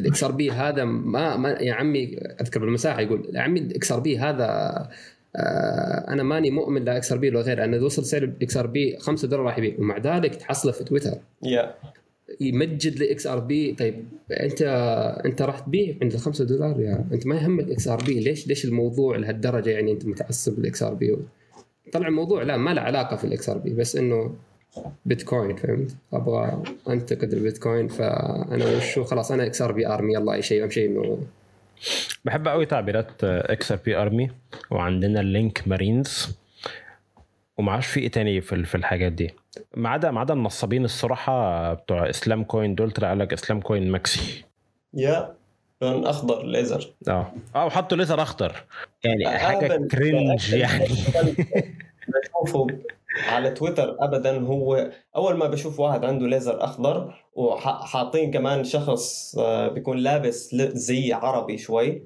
على أساس إنه هم عرب. يا حبيبي أنت مبين أنت حتى عربي أنا شاكك بالموضوع صراحة. هو بيفهم عربي بس ما بعرف إذا هو عربي ولا لا يعني آه، لأنه لو كان عربي يعني كان ممكن يعني شوي ما بعرف بحس إنه ممكن يستحي على دمه أو شيء.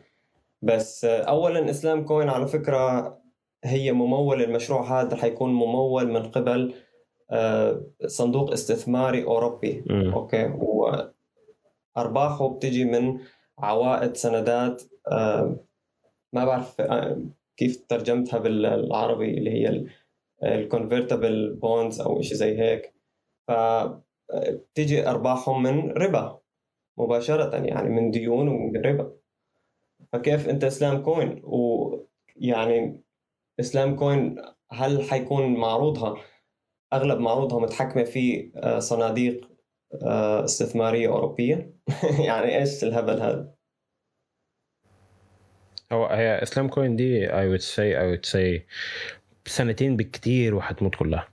أو يعني على ال cycle الجاية. هي pump ايه واحدة وهنخلص يعني. هي هتشوف pump ايه واحدة هنشوف pump وهتنتهي بس وخلصنا يعني والله ما أشوف لها أخبار أصلا حاليا حتى. آه هي اتفضحت طلع عليها. فضيحة كده وبتاع و... أنا أذكر البداية بس الآن ما عاد في أخبار عن العملة ولا فريق العملة ولا إيش قاعد يسوون ولا ما. أنا سمعت إنهم فريق روسي أو شيء زي كذا الفريق فريق العملة روسي وفي دبي. آه آه كانت حاجة كده. لا هو مسلم يب لا هو مسلم ما هم مسلمين ولا. يا بس آه، هذول الانفلونسر يعني آه، شو الفرق مثلا بين شخص عم يحكي عن البيتكوين وعم آه، كل يوم يطلع بوستات وهيك أشياء عن البيتكوين خصيصا only وفرق بين يعني مثلا شخص عم يسوق ل Ripple يعني هل هل هي الشغلة متساوية؟ لأن اثنين كل واحد عم عم يسوق لل coin تبعيته ولا كيف بتشوف الموضوع يعني؟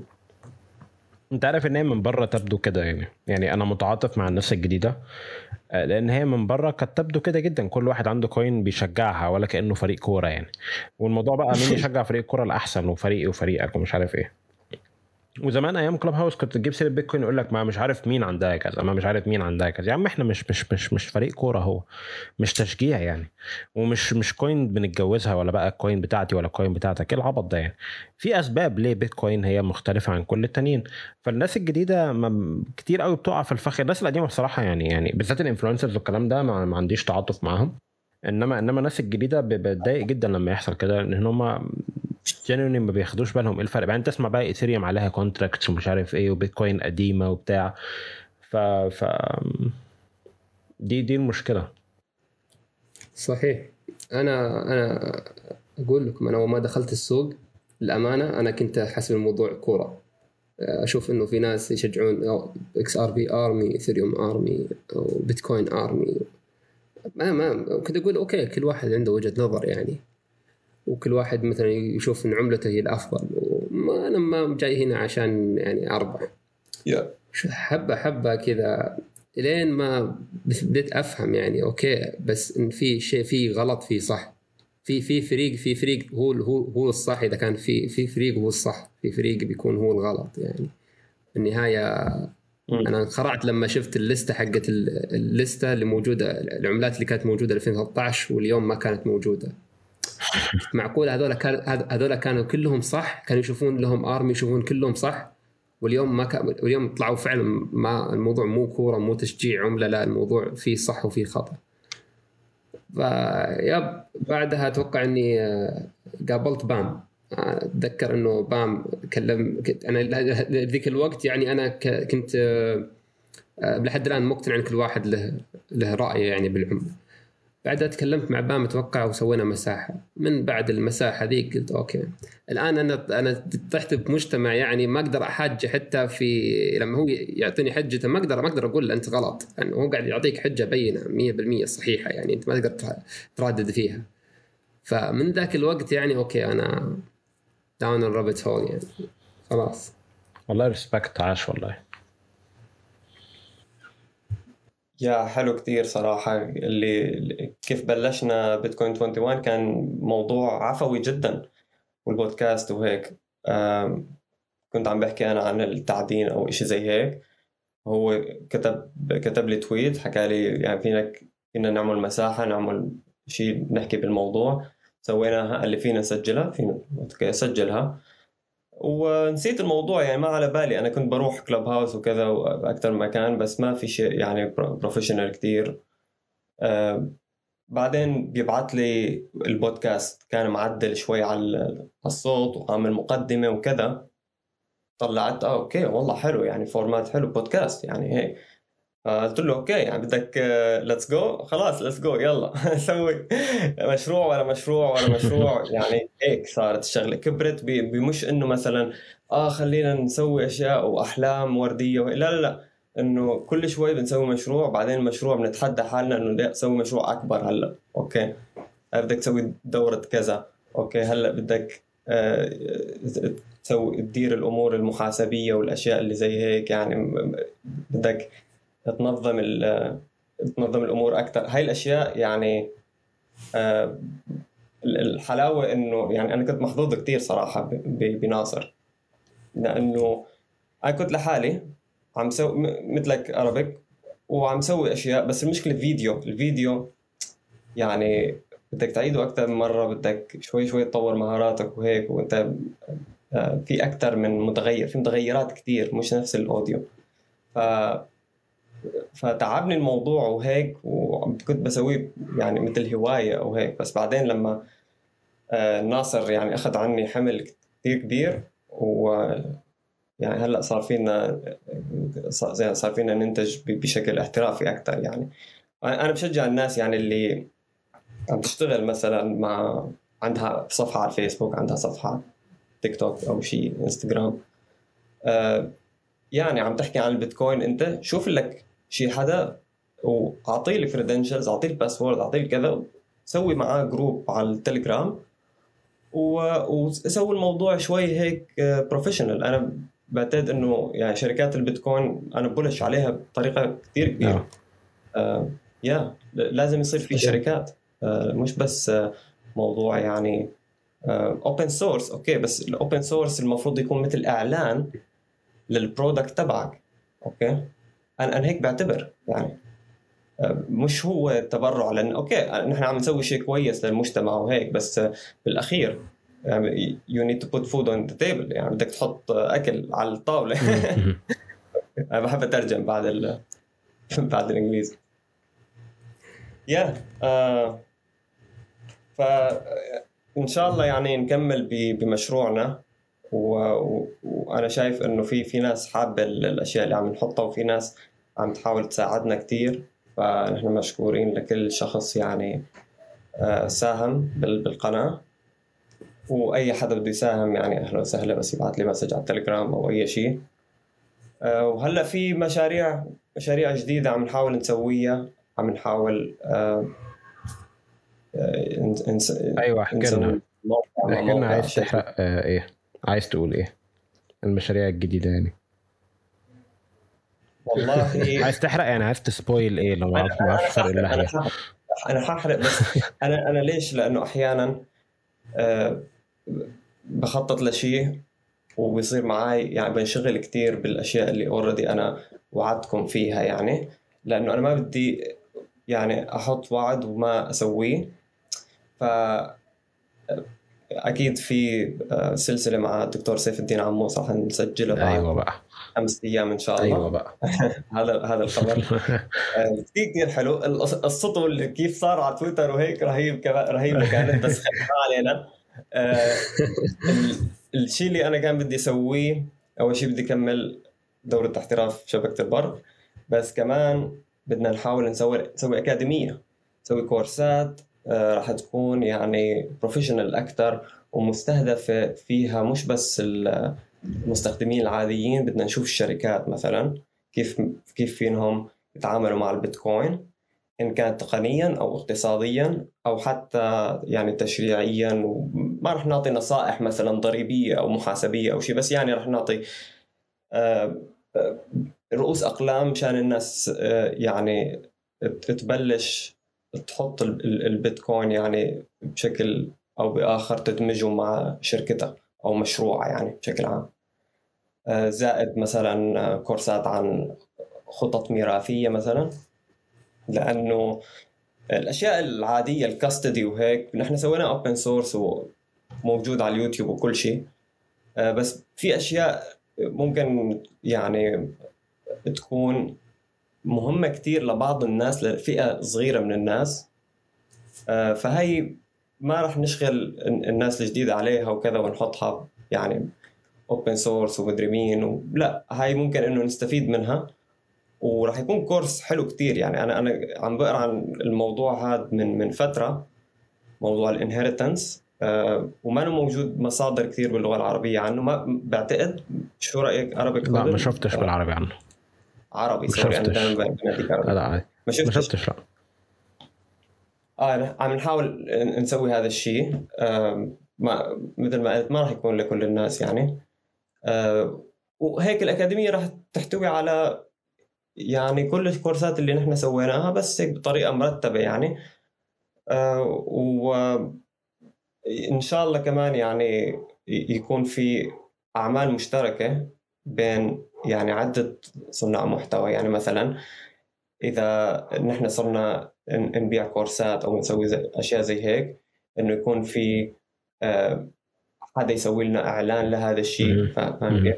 أو نحن مثلا نشوف شركة شخص آخر ونعلن يعني عن منتجاته أي حدا مثلا آه، مدخل البيتكوين كوسيلة دفع ومثل أليكس اللي موجود ببرقنت عنا هو راح على مطعم إيطالي بإسطنبول هو بيشتغل فيه بعتقد وسوى آه، يعني point of sale أو نقطة دفع بال Lightning ونحن نشرنا هذا الشيء بصفحاتنا على الفيسبوك على بعتقد كمان على اليوتيوب وهيك. ممكن ننشره بأماكن أكثر. هلأ صرنا بكل مكان literally بأي تطبيق. والشركة هي بتستفيد يعني free marketing يعني ما ما حناخذ أي شيء. بس إنه راح يكون collaboration نحاول نتعاون ونبني ecosystem من شركات البيتكوين. Okay؟ بعتقد نجاح أي شركة هو نجاح لكل الشركات يعني. أي. ما ما ما بعتبر إنه الموضوع تنافسي كثير لأنه الشركات يعني بعيدة عن بعضها. كل واحد عنده business مختلف تماما عن الثاني بس إنه كليات كلياتنا عندنا آه، نفس ال يعني الاهتمام بالبيتكوين. ف آه، حيكون يعني حيكون شيء حلو كل كل ما نتعاون أكثر بهيك مشاريع. رائع والله بالذات الأكاديمية دي. آه هلأ حاليا آه، عم نحاول نبني الموقع و already اشترينا ال hosting وهي الأشياء التقنية وهيك وعم نحاول آه، نعمل front end وكل يعني التعقيدات هي بتاخذ وقت هي. مشان هيك أنا ترددت بإنه يعني أحكي المشروع بس بس هذا اللي ناوي أسويه كنهاية يعني اخر آخر شيء يعني بعدها بعدها راح يصير محتوى يعني آه، نفسه اللي هو حصاد الأسبوع. شغلات تعليمية عن تكنولوجيا جديدة أو كذا. آه، بس يعني بكون خلصت نفس هدفي. أنا أنا كان هدفي من بداية ما بلشت إنه ابني آه، يعني منصة مشان الناس يعني تتعلم كيف تستخدم البيتكوين. يا BTC Sessions يعني. أيوه أيوه. الناحية ال practical بتاعت how to use إزاي تستخدمه. يا حلوة ممتعة. الحلاوة كمان بيجيك أحيانا مثلا محافظ على من Blockstream آه. هاي الأشياء. حلوة كثير يعني أحيانا. Keystone أيوة. أيوة. Keystone غالية كثير اجاني ال Pro وال وال ال plate ال seed plate وتقريبا يمكن ب 200 دولار أو شيء زي هيك أو يمكن 250 أظن يا بلاش أهلا وسهلا. خلاص بسوي لكم فيديو عادي. فيعني هيك أشياء ظريفة يعني حلوة. أيوه أيوه طبعا طبعا. وأنت يا ناصر أنا بحس ناصر فاهم بيقعد هادي كده وفجأة تلاقيه منزل audiobook مرة واحدة كده مثلا. آه، والله شوف إحنا إلى الآن يعني مركزين على الأكاديمية زي ما قال بام. ال audiobook ممكن تكون على الأكاديمية يعني لأنه زي ما تعرف بعضها ممكن تسبب مشكلة للقناه لأنه okay هذه هذه ال audiobook اللي أنتم تحطونها لها حقوق. فهمت علي؟ فاحنا لازم مثلا نشتري الكتاب نتكلم مع مع اللي مع الكاتب مثلا ممكن يتكلم. يعني بهذه الطريقة لما نحصل رخصة ممكن لكن ممكن نقدمه بشكل زي ما تقول مبلغ رمزي من ضمن الكورسات تبع الأكاديمية يكون موجود الكتاب مسموع يعني بهذه الطريقة. ننشر على اليوتيوب ممكن تكون صعبة شوي من ناحية يعني من ناحية تكون ضرر على القناة بس. هذا هذا هي المشكلة. يب. آه ما عدا ذلك يعني إحنا بنكون مركزين. أهم شيء صراحة مقابلة سيف الدين اللي راح تكون الأسبوع الجاي يعني. أنا قاعد أهيئ نفسي من لها صراحة يعني. أتدرب أحاول إني يعني أشوف تعرف لازم نتكلم مع الدكتور سيف الدين. قامه اسم معروف في عالم البيتكوين يعني. لازم تكون حريص إنك تتكلم معه برضو. نطاق يكون ما يحد من حريته في آه. في التعبير عن كلامه وعن رأيه في البيتكوين. وأيضا ما تقاطع كل شوي يعني صعبه هذه فلازم يعني يكون الموضوع شوي professional نطلع بصورة إن شاء الله آه، جميلة ونطلع ب course يعني عن المال يكون إن شاء الله رائع المحتوى العربي الله. بصراحة هتبقى interviews ما أعرفش هي واحدة ولا متعددة بس هتبقى هتبقى حلوة حلوة حلوة يعني. وما أظنش دكتور سيف عمل interviews مع maxis قبل كده عرب. يعني كنت كان كان ناس كريبتو عامة. هو هو مع توماس آه، سوى آه, آه مع توماس آه, آه بس يعني انه إنه يكون في قناة مخصصة للبيتكوين بس مانا لشخص معين مانا personal يعني. هلا هي ال... أنا ال founder وأنا صاحب القناة وعند وال co-founder ناصر وكذا بس يعني روح القناة هو يعني مش مش ك آه، جهة هيك شركة يعني مركزية هي اللي عم تنتج المحتوى هذا وكذا. لا هي شغلة إنه إنه في community عم يطلع هيك محتوى بس ممكن يصير في monetization وممكن كل الأشياء اللي رح نستفيد حنطلعها يعني كربح من القناة هاي آه، رح ترجع للقناة نفسها وللمحتوى نفسه. أيوه, أيوة. والأكاديمية أيوة. بيكون ك business يعني side hustle فاهم كيف؟ لنا نحن بس نحن ناويين إنه دائما نكبر يعني ما يوقف ال growth وال content وصلنا ألف subscriber وأخيرا إن شاء الله. آه، يعني نوصل لل ألف قبل البيتكوين ما يطلع لل ألف بس صعب. آه، بس إذا اشتغلتوا يعني شدوا الهمة بال share وكذا. Sorry على ال plug يعني بس لا وش يعني؟ أكيد يعني. يا يا آه، يا بس بس الحمد لله شيء شيء حلو يعني. ونحن آه، عندنا شغلنا أنا وناصر كل واحد يشتغل وعم عم ننتج عنا فيها جوب عند ناصر فيها جوب أنا عندي بيتكوين جوب على فكرة آه كفريلانسر عم بكسب بيتكوين وشعور جميل جدا جدا. إنك تكسب دخلك بالبيتكوين. آه بس فيه أشياء متعبة كثير خصوصا بأوروبا لأنه آه ال taxes وما taxes ولازم أول ما تمسك البيتكوين تبيع جزء منه مشان ما يصير على آه، على هذا الجزء يعني capital gains إذا اضطريت تبيعه وكذا. يعني في أشياء هيك. بس living on Bitcoin standard صراحة أنا بنصح كل الناس فيه. تحس إنه خلاص أول شيء عندك قنوات على على فينيكس أوكي؟ عندك Lightning channels و وفي liquidity منيح في سيولة بقنواتك uh, ومجهز حالك تماما ل... لأنه تستقبل كميات كبيرة. لأنه أنا مثلا بستلم من آه من عملائي على بال on-chain بالعادة ما بيستخدموا on-chain لهلأ. ما بيستخدموا يعني شبكة البرق أو ليكويد أو شيء. أو. بيستخدموا الشبكة الرئيسية. فبتصير عليهم رسوم وكذا. بس هم هيك بيختاروا لأنه هيك تعلموا البيتكوين. أنا بالنسبة لي بعطيهم عنوان فينيكس على بال on-chain وبيبعثوا لي الفلوس بس أنا already عندي قناة هلأ بالتحديث الجديد تبع فينيكس. إنه أنا عندي القناة هاي وتوسعت هلأ فجأة. صار في splice in بسموها. آه. وهلا صار في عندي قناة بسيولة أعلى. اضطريت طبعا لأستقبل التحويل هذا اضطريت أدفع رسوم لفينيكس. الرسوم ممكن تكون غالية شوي أحيانا يعني مثلا 5000 ساتوشي ممكن توصل. أنت فينك تحدد حد أقصى لقديش بدك تدفع لتستقبل.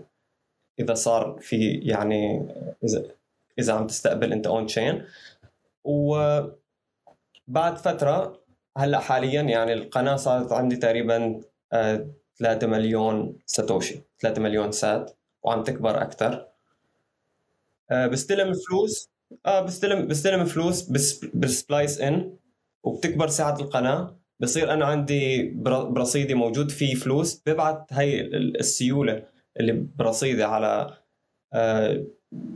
كراكن آه، أو بيتفينكس وبصرف شوية بيتكوين. فبصير كمان بالطرف الثاني ال inbound liquidity أو السيولة الواردة بتصير أعلى. آه، وهلأ حاليا القناة عندي متوازنة. شو يعني؟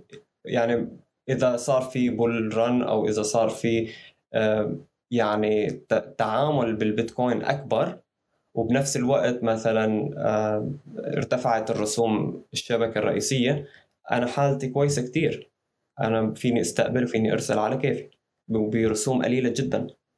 مهم قوي إنك تبقى مجهز نفسك عشان لما الرسوم تعلى ما تقعدش تعيط بصراحة. عشان أنا ما كنتش مجهز. هتقول يا رب لا أنا ما كنت مجهز أيام الاوردينالز أنا ما كنت مجهز حالي صراحة بس أنا كنت ما ماني محتاج إني أرسل أي بيتكوين. كان كله بال بال بال cold storage و بس يعني تضايقت شوي إنه يعني ما فيني إني إني إني أبعت. يعني هاي هاي الشعور إنه إنه wow أنا ممكن بيوم من الأيام آه، الرسوم تكون مثلا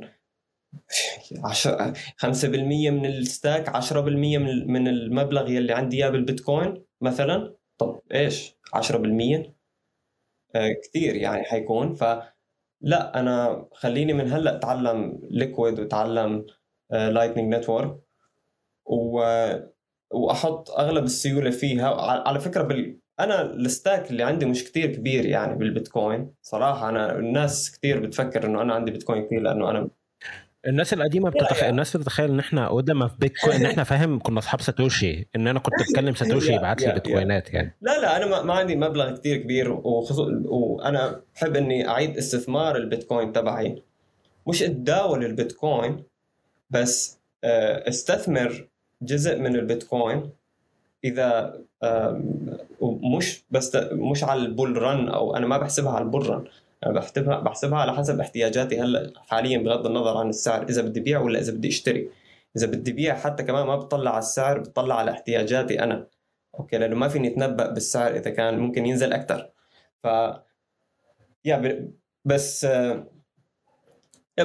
بس بعد فترة يعني بتشوف إنه إنه ال business تبعك عم يكبر أكبر أكثر وأكثر الكاش اللي صار عندك يعني ك يعني مخرج طوارئ أو ش... أو أصل قابل للتسييل بسهولة لأنه أنت ما بدك بس بيتكوين يعني.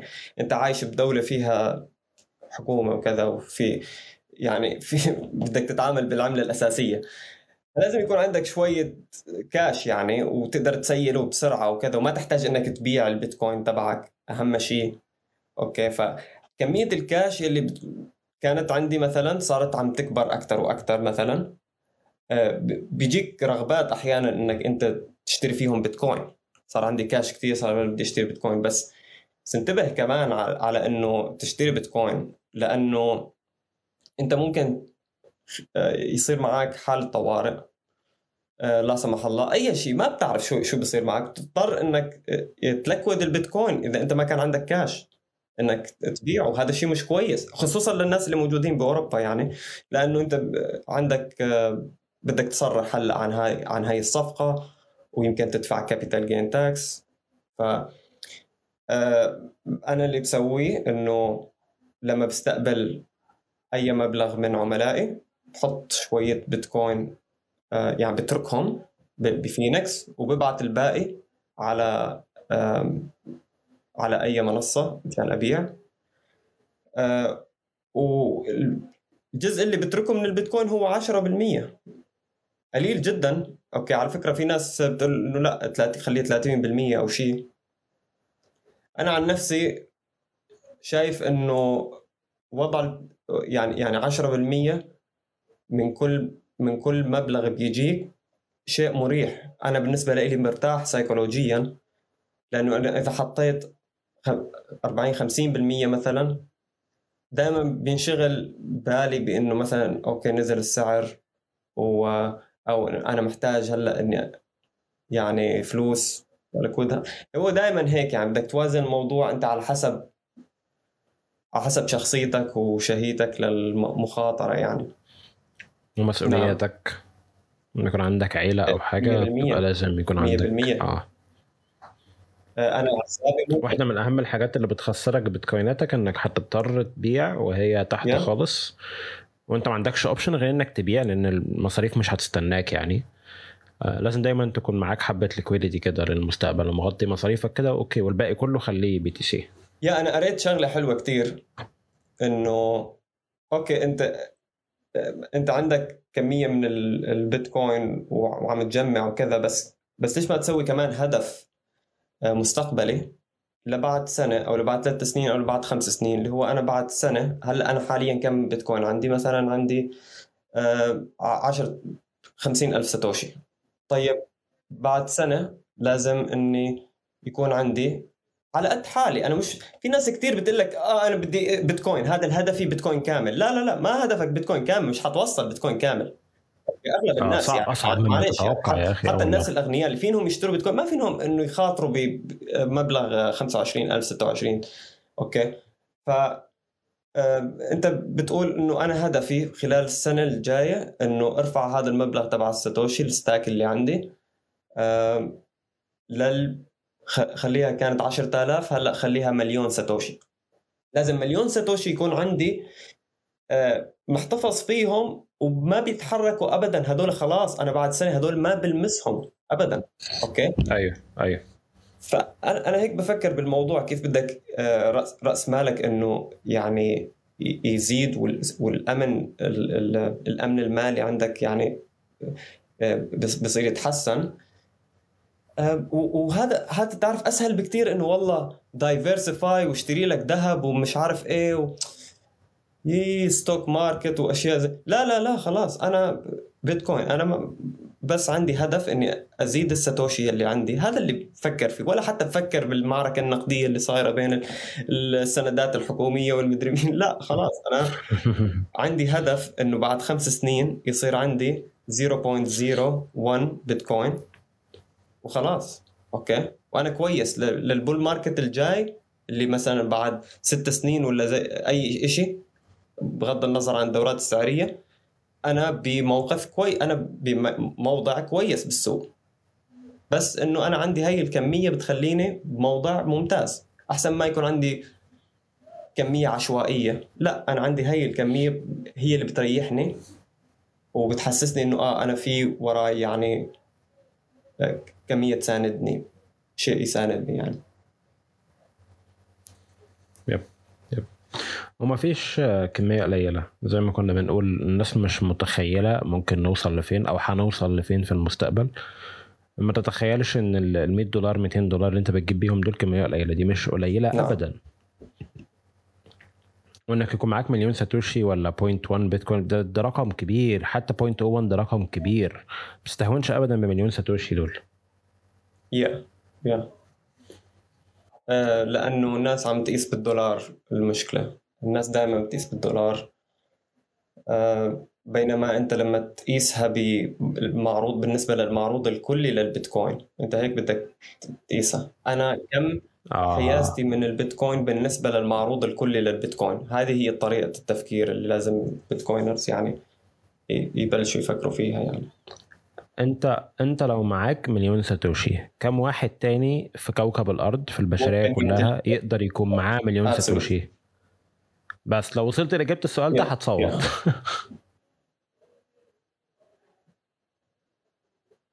أنا على بالنسبة أنتوا أنتوا قلتوا قدامكم سلسلة سيف بعد كده الأكاديمية.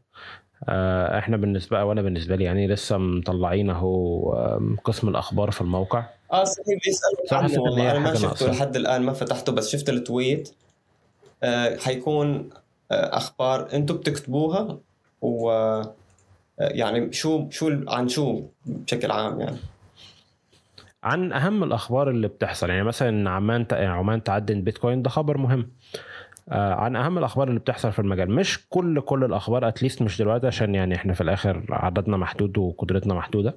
بس الأخبار التقيلة المهمة آه دولة كذا شرعت عمان عدنت عمان قصدي عدنت آه مين حد معين حد مهم قال حاجة مثلا أمير قطر اتفق مع حاجة مع السلفادور أي حاجة من الحاجات دي. آه، حاجة تخصنا حاجة مهمة حاجة تأثر معانا خبر قوي في المجال. ETF توافق عليه مثلا الأخبار دي. وهي basically هي هي أهم الأخبار. آه مش كل الأخبار ومش ناويين نغطي كل حاجة عشان ما تبقاش دوشة يعني. آه فبحس اللي, اللي يخش يشوف يبقى قدامه signal الأخبار المهمة القوية الحلوة آه هي اللي هتلاقيها كتير بنغطيها. Yeah. أنا أنا شايف إنه لو لو تضيفوا قسم للأخبار التقنيه بالذات آه نحن بالنسبة لنا مثلا بنسوي حصاد الأسبوع وكذا وبنشوف الأخبار اللي بتدور بشكل عام. بس في نوع من الأخبار اللي دائما أنا بدي أحاول إني أنشره بس صعب كثير لأنه شوي تقني وبالإنجليزي. أي. بينما لما إذا شفت مقالة مثل مثل المقالة تبعيت المسكات الفيدرالية لبيتكوين translator اللي هو ال Fedimints. كانت حلوة كثير هاي ممكن ممكن هيك الواحد يناقشها بال stream هيك على الهداوة. آه، مثلا بعد الأخبار. يعني يعني بشوف بشوف آه، بشوف هيك مجال تقني أو أو قسم تقني بيكون بيكون شيء حلو يعني هيك جميل في ال ecosystem تبع البيتكوين باللغة العربية يعني. أنا نفسي والله نفسي. هو هو ال point إن ما فيش حاجة at least مكتوبة. ما فيش مكان تعرف تلاقي فيه أخبار بيتكوين تقنية أو اقتصادية أو حاجة. لو لقيت حاجة بتبقى أخبار كريبتو بتبقى أخبار جنرال قوي ومش مش مش قوية. آه فكانت الفكرة إن إحنا نبدأ الموضوع ده. أنا بصراحة نفسي expand it نفسي أكبرها تبقى تقنية ونغطي حتى ال updates بتاعت البرامج والحاجة وأنهي feature زودت في أنهي برنامج والكلام ده كله. آه نفسي نعمل الكلام ده كله. ف يعني هو بالمناسبة يعني هو الناس اللي بتسمع الباب مفتوح الباب مفتوح خالص لو عايز تيجي تبني لنفسك اسم وتعمل portfolio وتشرح حاجات وتكتب الكلام ده كله الباب مفتوح جدا. yeah 100% 100% أنا أنا برأيي الناس اللي حتشتغل وحتتطوع بأي شيء ب يعني بيتكوين 21 أو بيتكوين Arabic dot org أو اي أي شيء حتى بارت نت وهيك انت عم تبني سمعة انت عم تبني connection قوي جدا. العلاقات اللي راح تبنيها هون أنا صراحة علاقات يعني أقرب من أعز أصدقائي. بال Bitcoiners يعني أنا كان عندي أصدقاء أي. كثير حميمين علي وخلاص يعني ممكن إذا قال لي أنا ما لقيت شغل أنا ما عندي شغل أدبر له شغل. لا ناس اصحاب يعني كثير close friends أخوات يعني بس هو بس مجتمع كامل هون من الناس اللي هيك. يعني انت أنا فجأة. لقيت حالي 300 400 شخص كلهم كفو يعني كفو كفو جد يعني. بيساعدك بيحكي معك كأنك بني آدم والناس أذكياء يعني بالحكي مش مش يعني بسيطين. فتحية لمجتمع البيتكوين صراحة العربي. آه والله آه والله. والناس اللي بتسمع هو انت يعني مش تعالى اشتغل مش تعالى اعمل حاجة معينة آه، إحنا نحطها لك. تعالى شوف عايز تعمل إيه. عايز تعمل tutorials روح اعمل. عايز تكتب مقالات تعالى اكتب مقالات. عايز تشارك editing اتفضل editing عايز تعمل انت shorts وتهيص وتعمل إيه تعالى اعمل shorts وهيص. يعني شوف انت عايز تعمل إيه وتبني لنفسك اسم في إيه. وتعالى ال platforms كلها مفتوحة يعني. صحيح. آه مو بس كذا أنا لما أشوف يعني مجتمع البيتكوين أنا والله عندي note حاطها ضمن الحلقات اللي كنت بسجل عنها إنه مجتمع البيتكوين بس أنا بتكلم عن مجتمع البيتكوين العربي. كيف مجتمع البيتكوين العربي فعلا زي ما قال بام كفو حرفيا يعني. الكل يبغى لك يعني يبغى يكون هدف واحد بس كيف إنه يخدم البيتكوين كيف ان الناس يخلي الناس يطلعها من بؤسها الاقتصادي مثلا اللي هم عايشين فيه يعلمهم عن البيتكوين ينورهم عن البيتكوين. أيضا أنتم قلتوا ترى نقطة كثيرة مهمة يعني قد ناقشتها مع بام أول إنه الباب مفتوح للكل. أنت لا تفكر ابدا إنه آه أسوي الحين الشيء ذا مجانا لازم أكسب عليه.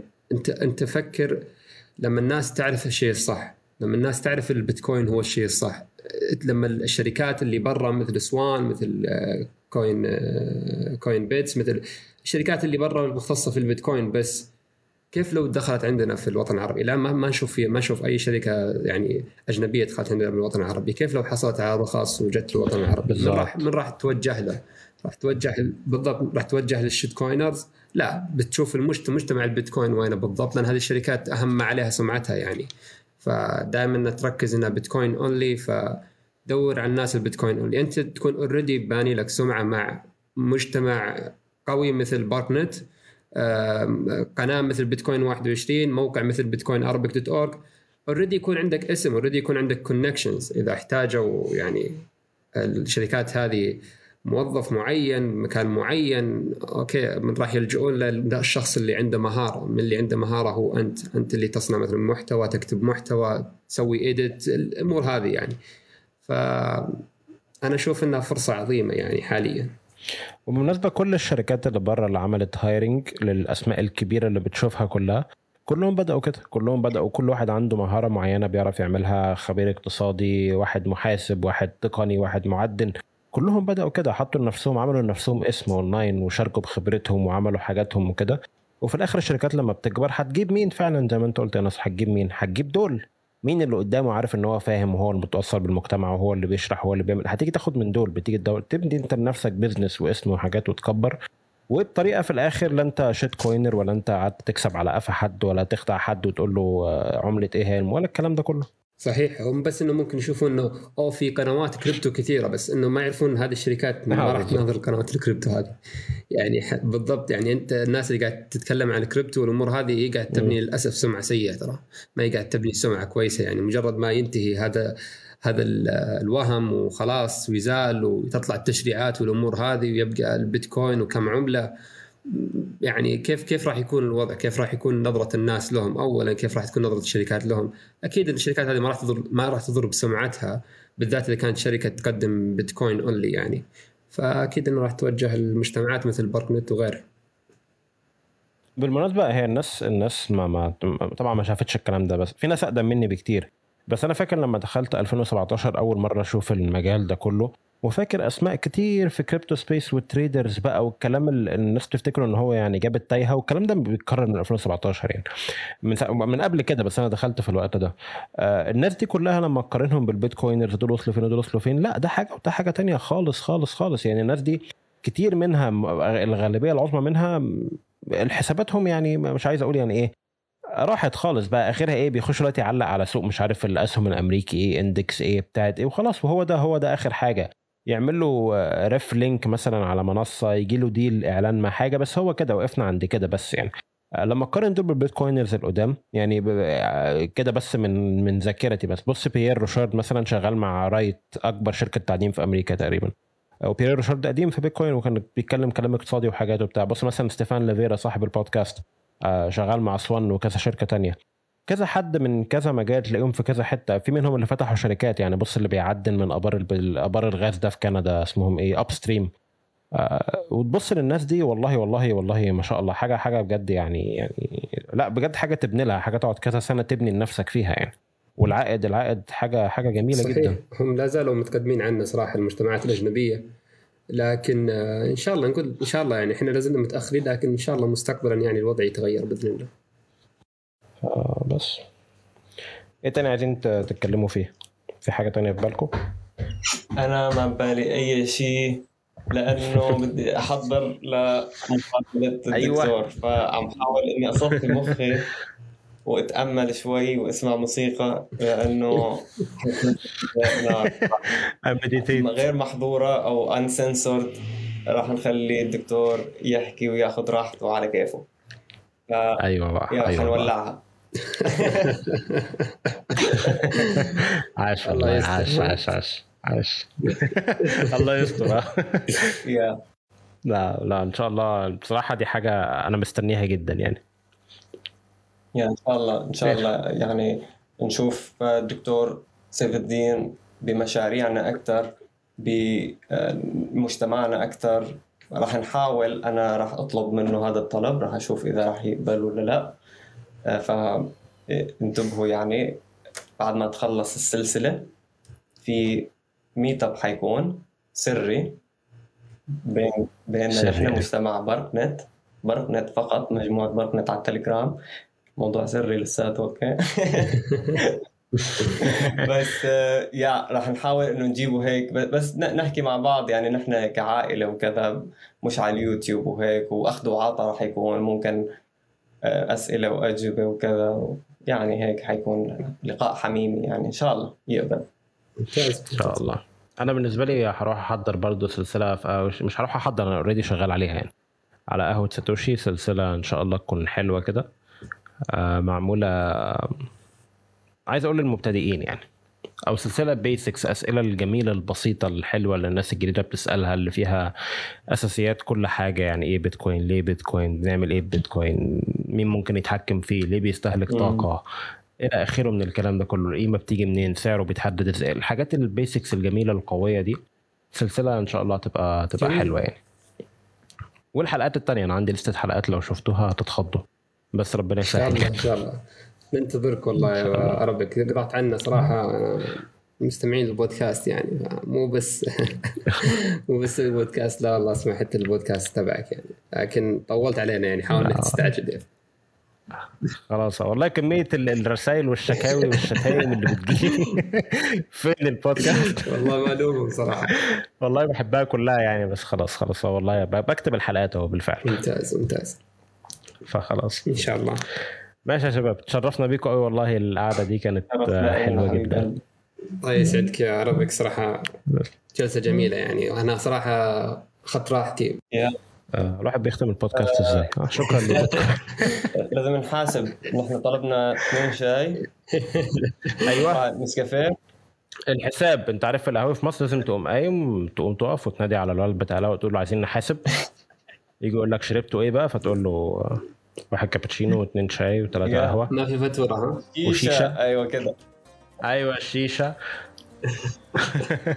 إن شاء الله نشوف بعض في مكان يعني ونقعد قعدة يعني. آه في يوم من الأيام نتقابل على قهوة بجد.